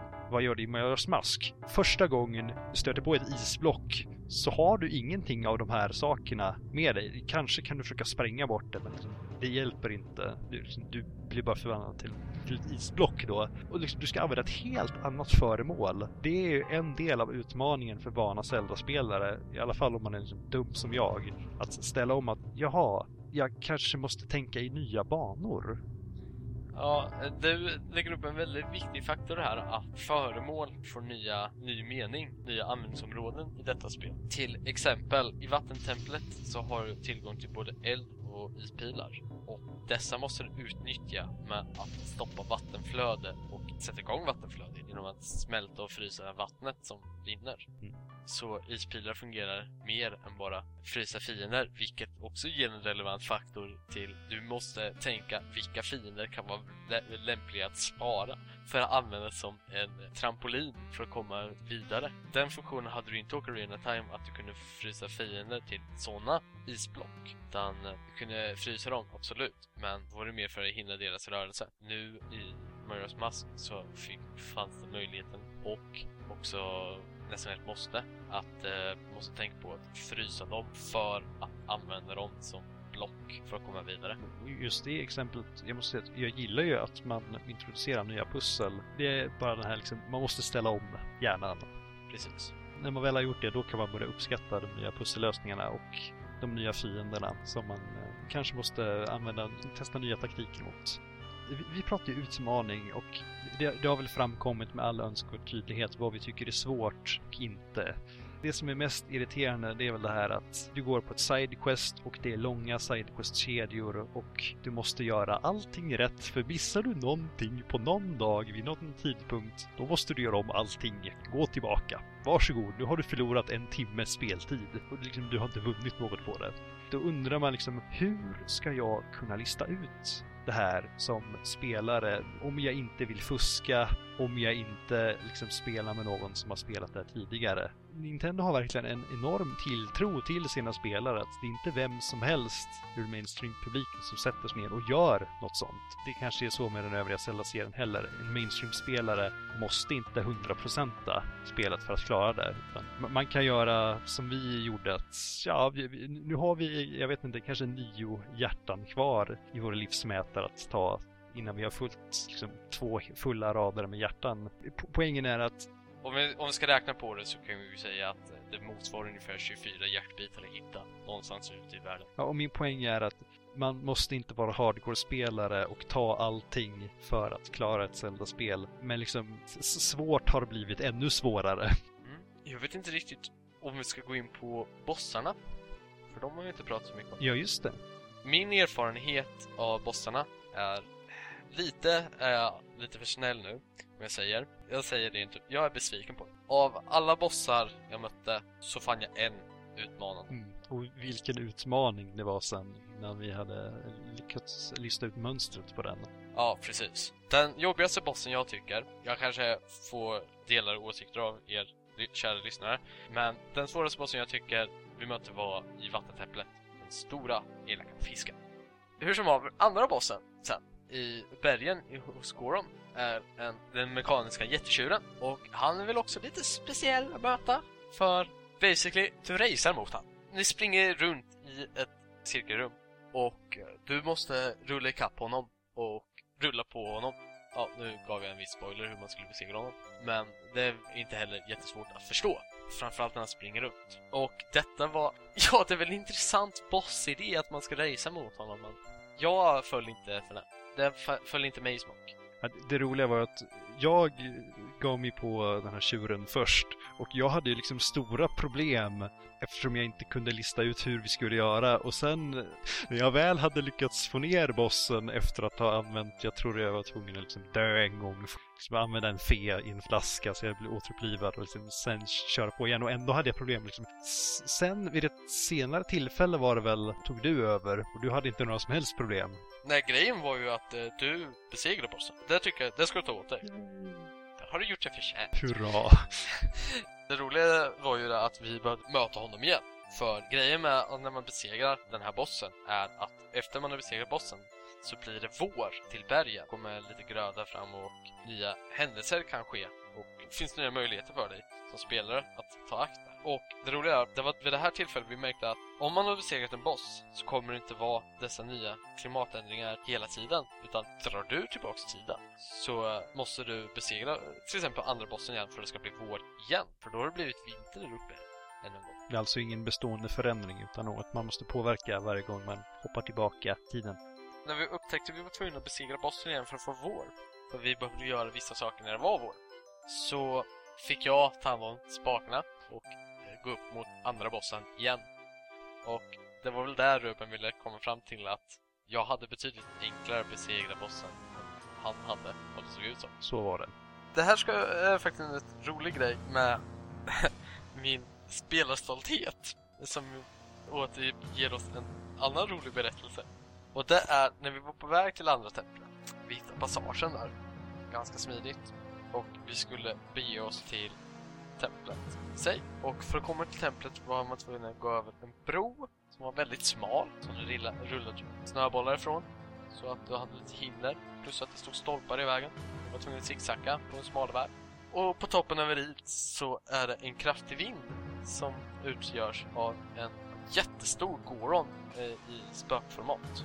Vi, eller jag, ska vi snarare säga, tänkte att det är väl bara att tajma in det här. Så jag laddar upp, tar sats och jag vet inte hur, mång, hur länge vi satt med det där. Det känns minst som en timme som vi satt och försökte komma över den där jävla bron. Ja, det var på tok för länge. Innan det slog oss. Det är någonting annat vi ska göra här. Vi, vi var på spåret, men som sagt, min spelarstolthet sa nej, det här ska gå. Och jag måste säga, jag var ovanligt nära för att komma över utan att göra det här kruxet som är innan. Vi kom fram till att alla tempel har ju en viss trudelutt som man måste ha tillgång till för att på något sätt komma till templet. Om så är frammana templet, frammana statyer eller bara öppna upp vägen. Och vi hade ju missat den här sången och det var ju det som var saknaden. Att man skulle sedan spela sången så slutade den där jättestora Gordon-spöket blåsa och helt plötsligt var det jätteenkelt att komma över. Mm. Vår lärdom här det är väl, trots att man sätts för svåra svårigheter så finns det oftast en betydligt enklare lösning än vad, vad man kan tänkas komma fram till. Att man behöver inte göra det krångligare än vad det ser ut. Mm. det, det, är väl ganska bra. Oh, apropå det, en annan så här liten anekdot på tanken, man ska inte göra det svårare än vad det redan är. Och Queen of Time fick ju, om jag har förstått saken rätt, en del skit för för Jubby Jubbers Belly. När man är Young Link och springer omkring i jättefisks mage och ska bära omkring på en uh, jobbig prinsessa. Ja, oh, prinsesseruto. Just det. Den här mekaniken tar man med i Maras Mask också. Fast man twistar till det lite. Förstår du vad jag vill komma nu? Mm. För hur är det man ska bära omkring på prinsessan i Majoras Mask och då pratar vi om den, naturligtvis så har Deku-folk, den kungliga Deku-familjens oh. prinsessa blivit bortrövad. När man kommer först till träsket så upptäcker man en konflikt mellan aporna och Deku Scrubs. Prinsessan är borta och Deku Scrubs, kungen, misstänker att det är aporna som har rövat bort henne och därför hotar de med att helt enkelt grilla en apa om inte de plockar fram prinsessan man inser ju ganska snabbt själv att hon bör ha blivit fångad av eh, Skalkit Och sättet att rädda henne är att besegra templet. Så när vi besegrar templet så stöter vi mycket riktigt på Decker Scrubs Sessan. Och hon hör historien om hennes far och vad han tänker göra. Så hon blir så här, Åh, ta mig dit så fort du kan. Har du någonting smidigt att frakta mig med så kan du ta dig dit så snart som möjligt. Och här kommer det lilla roliga att vi kollar runt, ser inget sätt liksom, det finns ju inget sätt att riktigt frakta henne på. Och det går ju inte att plocka upp henne som prinsess Ruto. Så jag ser lite skämtsamt, det kan ju inte bara vara att fånga henne i en flaska. Tar upp en flaska och whips, hon fick plats i en flaska. Och det är också så här jättehärligt japanskt. V vad säger det här om liksom könsrollerna?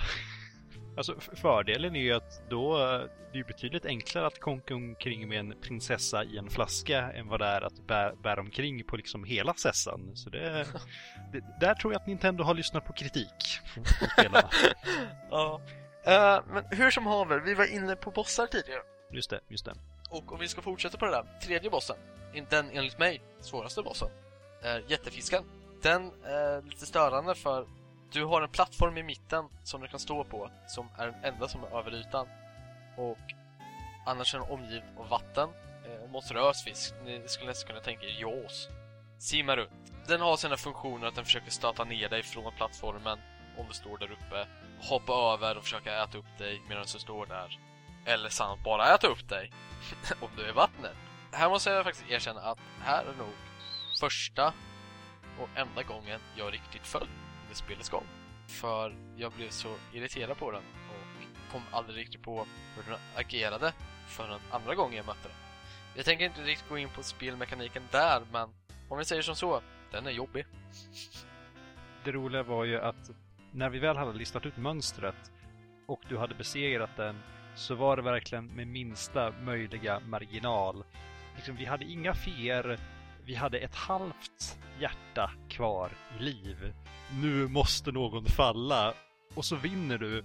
Och, liksom, och vi, liksom, euforin vi kände då, det var liksom det var större än vad vi kände när vi liksom spöade sista bossen. Mm. Ja, jag, jag börjar känna att vi skulle faktiskt kunna börja sammanfatta det hela nu. Eller har du mer saker att upp? Oj, nej. Vi har kommit så pass långt att en sammanfattning låter alldeles ypperligt. Det, då skulle jag vilja eh, börja med att eh, återigen referera till Club Nintendo.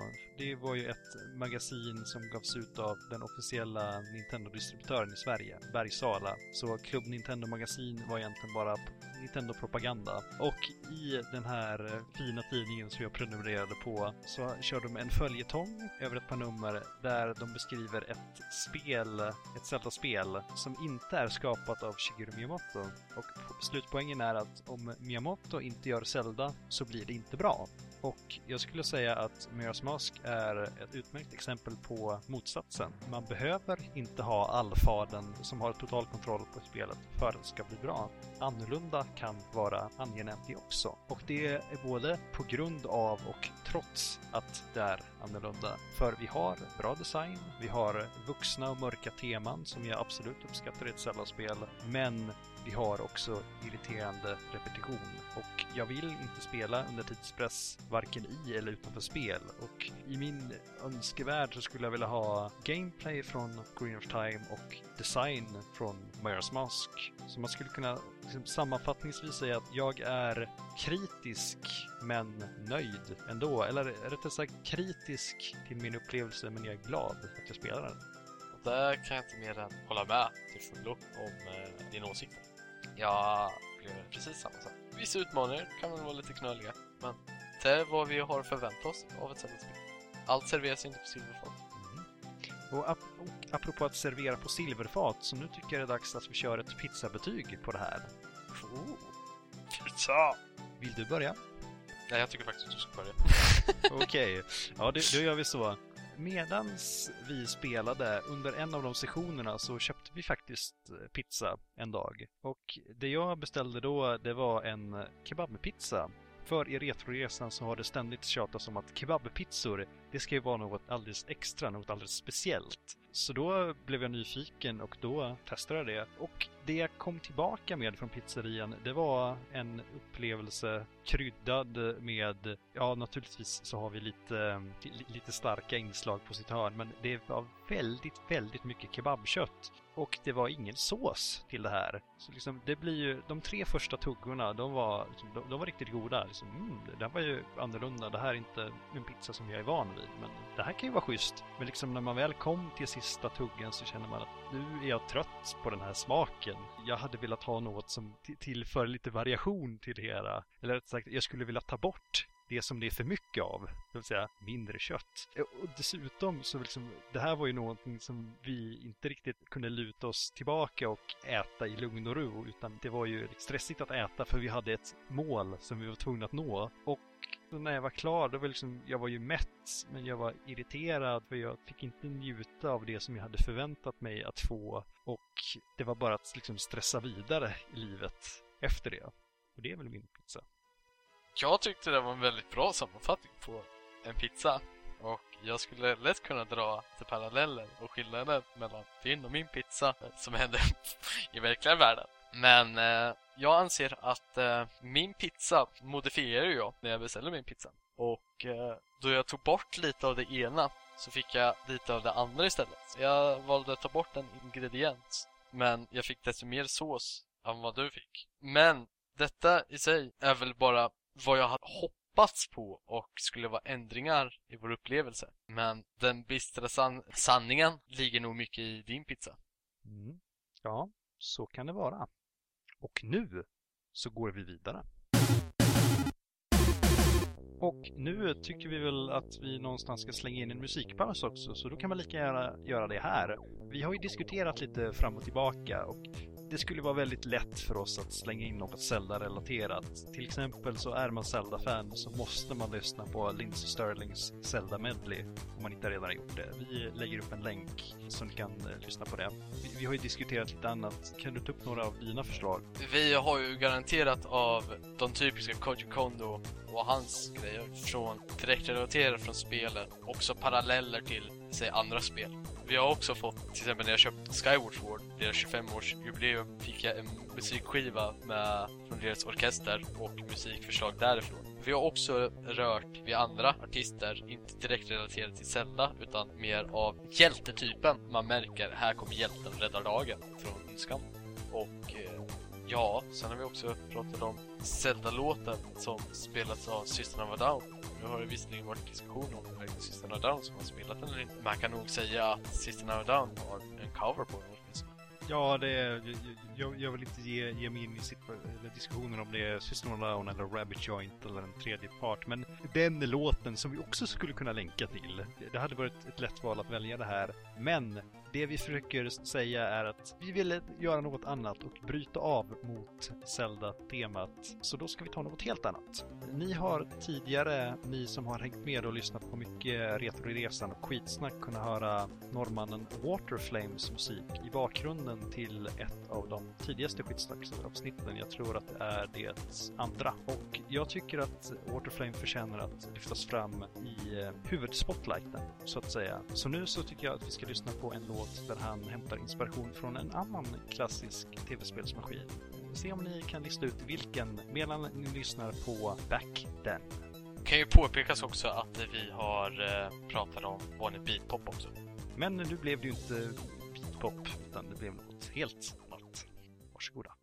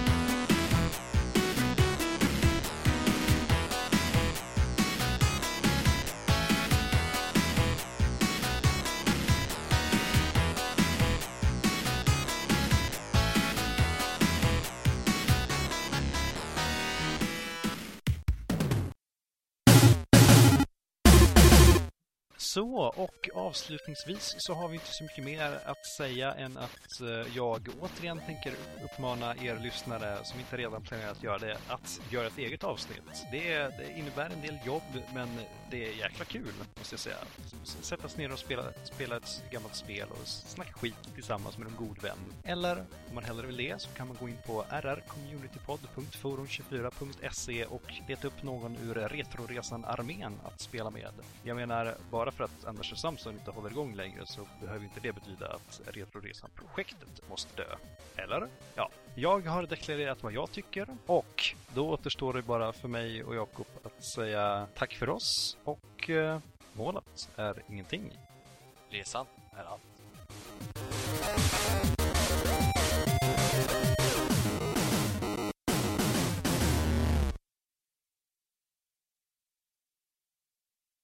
Hej du som har orkat lyssna så här långt. Nu är det så att i det här segmentet som vi har valt att kalla spoilerhörnan så tar vi upp sådant som vi har klippt bort från den ordinarie recensionen eftersom vi tyckte att det spoilade för mycket.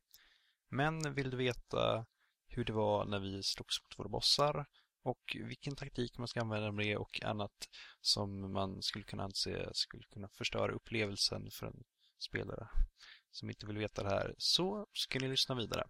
Alltså, jag ger er spoilerhörnan. Och eh, det du får i utbyte det är en lite längre magimätare eller något? Ja, det är fem fontäner. För, eh, första ger en magimätare, andra ger dig en längre magimätare. Tredje ger dig en specialattack. Och det är tvärtom på 203 där. Fjärde ger dig eh, större, eh, bättre hälsa. Och femte ger dig ett vapen. Just det. Ja, just det. Jo, vi, vi pratar ju masker. Den 24 masken är lite speciell, för den kan du bara få inför sista bossen och det är utbyte mot de 20 mindre värda maskerna, om man ska säga. Men det är Great GT Mask och den gör dig, som din beskrivning var Ruben, det är väl det närmsta Adult Link man kan komma. Mm. Utan att någon faktiskt får se Adult Link som han ser ut i Ocarina of Time. Och eh, här så blir det verkligen så här eh, flum japansk design. I alla fall om man kollar på Fairylinks svärd. Eftersom man faktiskt blir en, ja, vad ska vi säga, full, man blir en fullvuxen fe fast inte som de här eh, hemska feerna i, som i Great Fairies Fountain. Om vi ska snabbt dra övergång över bossarna. Första templet möter man en jättekrigare. Andra templet möter du en mekanisk tjur. Tredje templet möter du en jättefisk. Fjärde templet möter du jätteormar, Twin Snakes, Twin Worm. Och sista bossen så möter du självaste Majora. Och som ni hör så alla de fyra föregående bossarna så har jag nämnt någonting om jätte. Och det är en viss grej med alla bossar ska tydligen vara stora i det här spelet. Första bossen, den var med lite jag visste inte riktigt först hur jag skulle bemöta den. Men så fort man upptäckte en svaghet så var den jätteenkel. Han fick väl in några fina träffar på mig i början men sen så kom jag på, aha, jag ska bara göra så här. Så besegrade vi honom. Här kommer vi till nästa roliga historia. Vi kommer följa upp med fjärde bossen snart.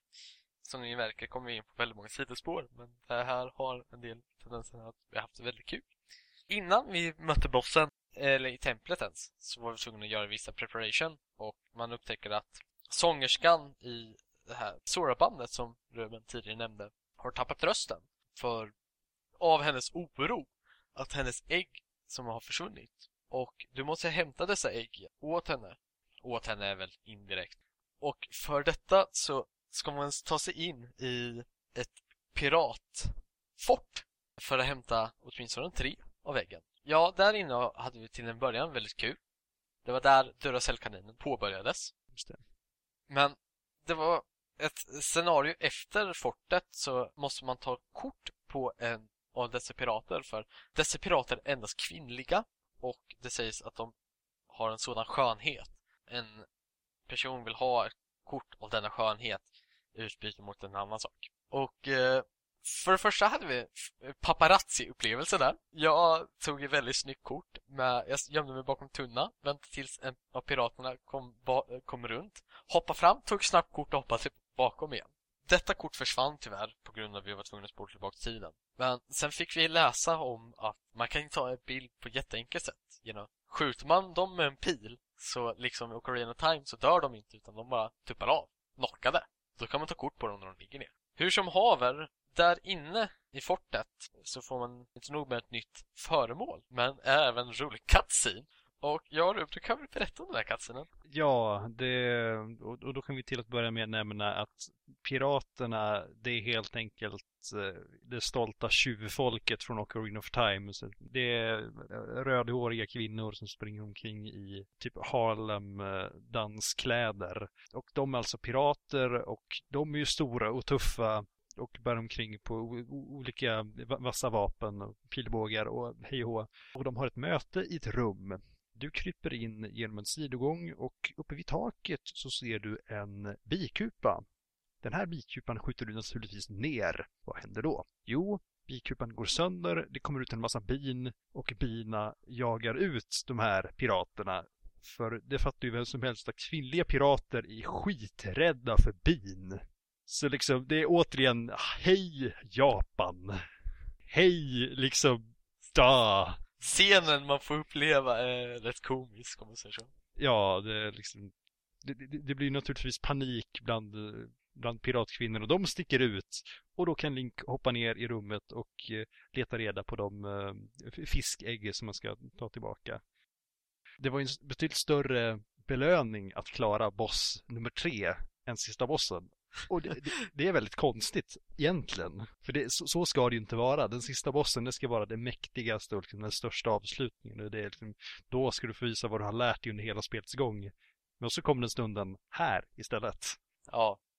Från att bossen besegras och vi vet att vi har precis lämnat in Stray Fairies men är som så att Ruben tog kontrollen att vi leder Stray Fairies och Linus säger Gå till Soras, lyssna på det när de spelar. Ruben och jag bildar uppfattning. Aha, där får vi nog nästa, typ kanske jackbit eller något sådär. Det var bra. Så Ruben trudelutar dit. Tidspressad som han är. Han, man kan förresten höra när man pratar med honom vid det tillfället att han var stressad i rösten. eh, hoppar in där i Soras grotta och ställer sig, lyssnar på Sora när han spelar. Och sen efter så får han ett tack av Soras. Liksom, ah, tack, tack för att du hjälpt oss att kunna göra den här konserten. Och här kommer det roliga. Så var det ingenting mer med det. Och Ruben bara, vad var det här bra för? Linus säger typ, ja, du fick spela med Soras. Men det ledde inte till någonting. Du fick spela med Soras. Så jag gjorde allt det här i onödan. Nej, du fick ju spela med Soras. Ja, alltså jag hade ju förväntat mig minst en hjärtbit eller någon annan så här storslagen belöning. Så Ruben, besviken och stressad, spelar sig tillbaka till första staden, slänger in pengarna på banken och spelar till första dagen och jättebutter. Ja, och liksom och som någon slags efterreaktion så var jag liksom jätte, väldigt uppspelt för jag var ju hyperrädd att vi skulle förlora våra framgångar mot bossen och inte hinna spara i tid. Så liksom det, det tog ju ett bra tag innan jag lyckades lugna ner mig igen. Och det här, det är ett väldigt bra e-, exempel på att eh, Zelda-spel kan beröra en på många olika plan. ja, det var rätt roligt att sitta i samma rum vid det tillfället. Nej, men om vi ska fortsätta till eh, fjärde bossen. Hur ska man säga det? det gör man det på ett sätt är den väldigt enkel. Gör man det på ett annat sätt så kommer du säkert få en utmaning där med. Vi gjorde på det enkla sättet. Dels av tidspress, men också för vi visste inte hur svår bossen skulle vara om man gjorde det på det här sättet. I fjärde templet så finns det en speciell mask som heter Giants Mask som endast funkar i fjärde bossbatten. Den funkar inte utanför, inte i templet, inte ute på vida plätten, i Clocktown, you name it, inte ens mot sista bossen. Den funkar bara mot fjärde bossen. Det gör att när du möter dessa två jättemaskar, så om du sätter på dig Giants Mask så gör du dig själv till en jätte och då är inte de här jättemaskarna så jättelika längre. Och det gjorde ju att det gick betydligt enklare att besegra dem än vad man skulle kunna tänka sig om man var normalstorlek gentemot dem. Och jag kan väl inte säga så mycket rolig historia här. Fjärde, bossbatten. Vill ha en utmaning? Försök besegra den utan Giant Mask. Vill du kunna besegra den? Kör hårt. Sen hade vi en del roliga äventyr med att vi ville ha alla, alla masker innan vi gick mot sista bossen. Det var ju ett äventyr i sig. Vi har varit inne på det tidigare med att event som att korsat med varandra och dylikt. Linus har varit till stor hjälp, säga vart vissa masker och sånt finns. Men ja, efter vi samlat alla 20 masker går vi för att besegra sista bossen. inför sista bossen så har man möjlighet att köra, ska man säga, fyra utmaningar. Under dessa fyra utmaningar så ska du lämna ifrån dig alla 20 masker. Under dessa tester så har du möjlighet att eh, få varsin hjärtbit precis innan slutstriden mot eh, bossen, Majora. Och eh, vi var väl lite tidspressade på tanke på, inte på tanke på tiden som fanns i spelet utan mer tiden utanför. Att vi visste att klockan är efter elva och Ruben ska åka iväg imorgon och tå hans tåg går tidigt. Så vi kan inte sitta hela kvällen. Efter man har lämnat de 20 maskerna så får man The Great DT Mask, vilket är en av de mäktigaste maskerna i spelet och närms, närmsta Adult Link du kommer. Kruxen med Great DT Mask är att du blir oerhört stark, men dina attacker drar på mannan rätt brutalt. Så har du inte samlat på dig stor Magic Meter så kommer det snabbt märka av att du förlorar mannan direkt. Hur som haver, när vi mötte The Great Majora. Detta är en trefasig boss och man får se en viss utveckling som bara blir sjukare och sjukare kombination med bakgrund, arena och musik. Jo, det blir ju mer och mer psykedeliskt ju, Precis. ju längre in i bossstriden man kommer. Och det, det, det passar ju skräcktemat ganska bra, kan man säga. Möt inte Majora med Great Deity Mask. För mig blev det för enkelt. Vi lyckas besegra honom på under tre minuter. Min åsikt av Majora, bossstriden, utan att gå in på detaljer, är jag tyckte han var för enkel slutboss oavsett med Great Deity Mask eller inte. Nu har jag inte spelat utan Great Deity Mask, eh, ska tilläggas, men jag har sett på ett YouTube-klipp där någon annan har utmanat honom utan Great Deity Mask. Och av bara kolla på den så såg det inte så mycket svårare ut för min, eh, utmaningen, utmanande ut för min del. Men det är mina upple upplevelser. Det finns säkert de där ute av er som tycker han är visst jobbig. Vad snackar du för skit? Men då är det ju bra för er att ni fick en utmaning mot honom. Jag personligen eh, hade inte svårighet mot honom och tyckte därav inte han var rolig ut. Och som Ruben var inne på, vi fick en mer självkännande belöning av att besegra tredje bossen som vi hade jobbigt mot gentemot den här bossen. Mm. Nu ska vi väl säga att eh, det är ju lätt att eh, sätta sig på höga hästar när man har, vad ska vi säga, fuskat sig igenom bossen eller tagit den enkla vägen. Så vi får ju se hur det blir när vi, ja, andra gången vi kör på vår kommande icke-fuskiga 100% run genom spelet. Jag kan säga det, visst det är betydligt enklare att säga som du säger när man sitter redan på höga hästar. Fuska är lite starkt ord i detta fall tycker jag. Vi tog hjälp av en guide för att få ta, eh, ta reda på vart maskerna fanns. Men striderna mot bossen gjorde vi utan guide. Vi visste inte vad som skulle komma skall och så. Ja, nej, men eh, det jag menar eh, när det gäller fusk mot sista bossen, då är det främst att liksom, använder man den här sista masken så blir det, liksom, det blir så pass lätt så att man gör likställer det med att fuska. Liksom, sista bossstriden ska inte ta tre Nej. minuter. Då finns det fiender, alltså en vanlig fiendestrid som tar längre tid och så ska Nej, det inte vara. Nej, men jag säger fortfarande till eh, de kära lyssnarna att det här är den enkla vägen. Inte fuskande vägen, utan enkla vägen. Men jag ska ja. visa dig sen när vi spelar sen igen att jag anser att Majora inte är mycket svårare utan Great Teach Mask. Ja, okej. Okay. det, det, det, det, tar vi då. Men eh, bara en lite så här off-topic grej. Om man ska gå in på Zelda-historiken så Majora, det här liksom väsendet som använder sig av en mask för att ta kontroll över Skullkid det är faktiskt inget, den varelsen har inget kön utan det är bara en stor, vad ska vi säga, elak varelse eller närvaro. Och om man ska gå in på den där historien som det låter som du håller på att gå in på så ska man ju väl ja. dra basfaktorn att det var kult, låter nästan ta i lite mycket men En stam. Stam ja. Där någon mäktig voodoo fanns och han eh, lagrade hans krafter i denna mask. Det är därför ens masken är så mäktig.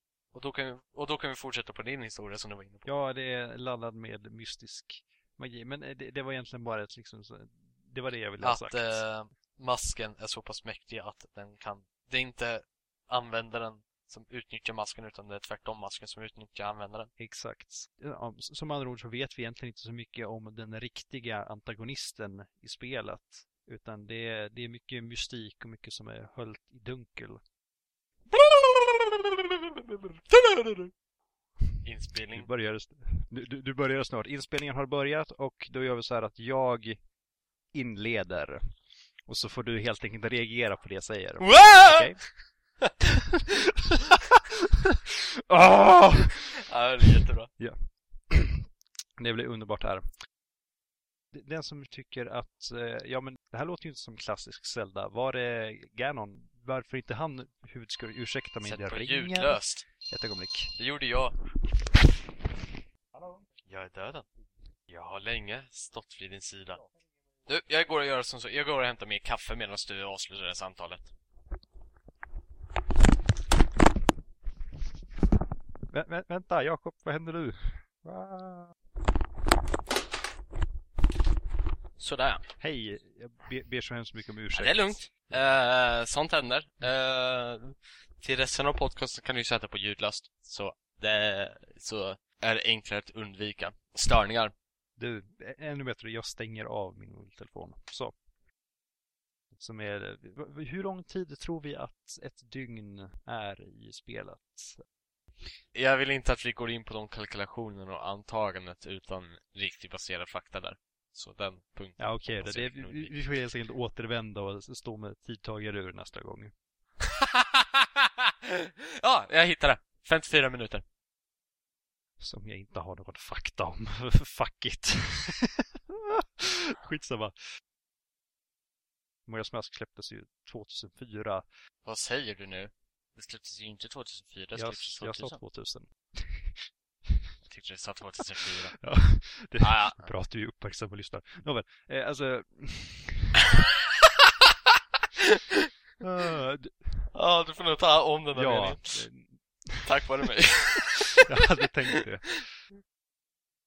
Och då kan jag förresten passa på att rätta dig att du sa Windwalker och Wind det heter faktiskt Waker. Wind Jag vet. Waker. Eh, Jag kom på det själv och jag tyckte bara att jag skulle rättkolla mig själv. Och det är någonting vi bör täcka över eh, i Mm. podcasten. För fan vad vi kommer göra narr oss själva som Zelda-fanatiker annars. Hej hej, vi gillar Zelda men vi kan ingenting om spelet egentligen. Jag höll på, jag tänkte Nej. säga Wind Waker först men sen så, jag vet inte vad som fick mig ändra. Det var liksom bara Windwalker. du, du tänkte på något helt annat. Du kanske tänkte på Metal Gear Solid Peace Nej, jag Walker. Hur som haver, eh, tillba- tillbaks haver. till reality. Nej, jag har inte spelat speciellt mycket PS1-spel så jag har ingen aning om vilka Open World-spel det finns där förutom GTA. Så det, vi, vi, vi ska inte tala om det. Nu, nu är det Nintendo, nu är det Zelda. Eh, och bara nörderi om sånt. Och nu, paus. Eh, jag måste springa på toa. Så sysselsätt dig själv en liten stund så jag är snart tillbaka. Tack.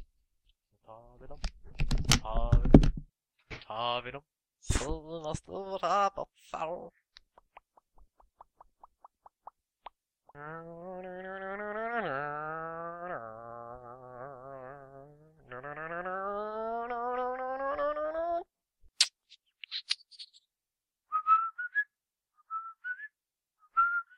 Tar vi dem? Nu tar vi dem. Nu, nu. Hookshoten, hookshoten, hookshoten! Och där tar Ruben tar hand om kontrollen. Och låt oss höra ditt perspektiv i det här. Alltså jag måste säga att jag har faktiskt förträngt större delar av den här Okej. historien. Jag, kom, jag kommer bara ihåg hur jag reagerade i ett Nej, parti efter Ja, det. då får jag berätta hur min synvinkel. Jag tyckte det var väldigt komiskt. Ja, Mm. Uppleva och lyssna på. Musikpaus!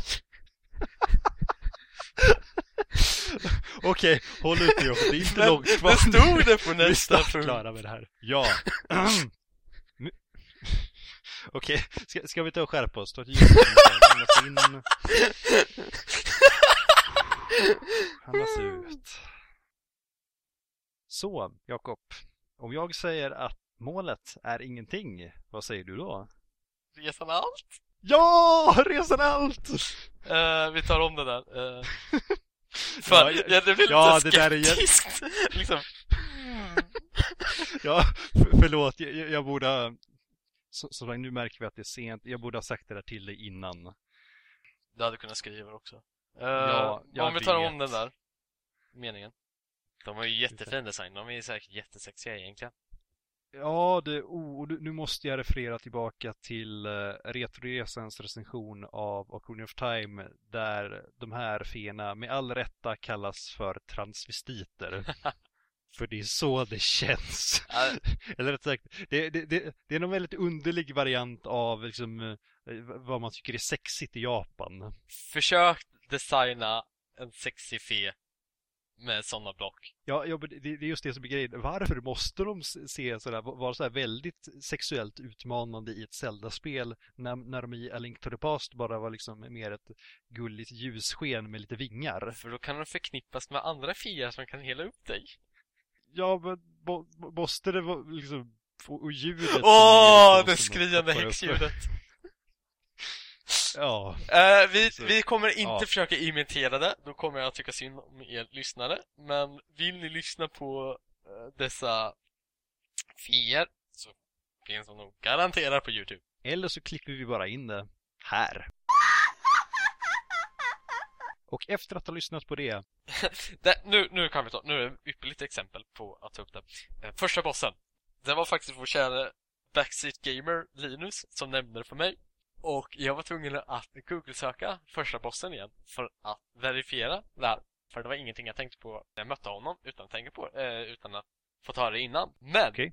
när man möter honom så han står typ laddar upp sin attack eller dansar eller hur man nu ska uttrycka det. Och lyssnar man noga mm. så kan det låta som Nu tar vi dem! Nu tar vi dem! Nu tar vi dem! Vilket var lite komiskt.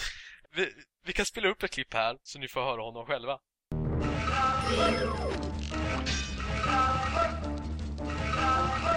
Eh, du, du, vi kanske ska styra upp den här situationen lite. Tycker du? ja, ja, det tycker jag faktiskt. Jo, Jakob, det här, kom, det här hade jag tänkt klippa bort. Jag vet inte riktigt hur jag ska um, avsluta. I avoid unnecessary social life. Och där, liksom, bryter vi katt.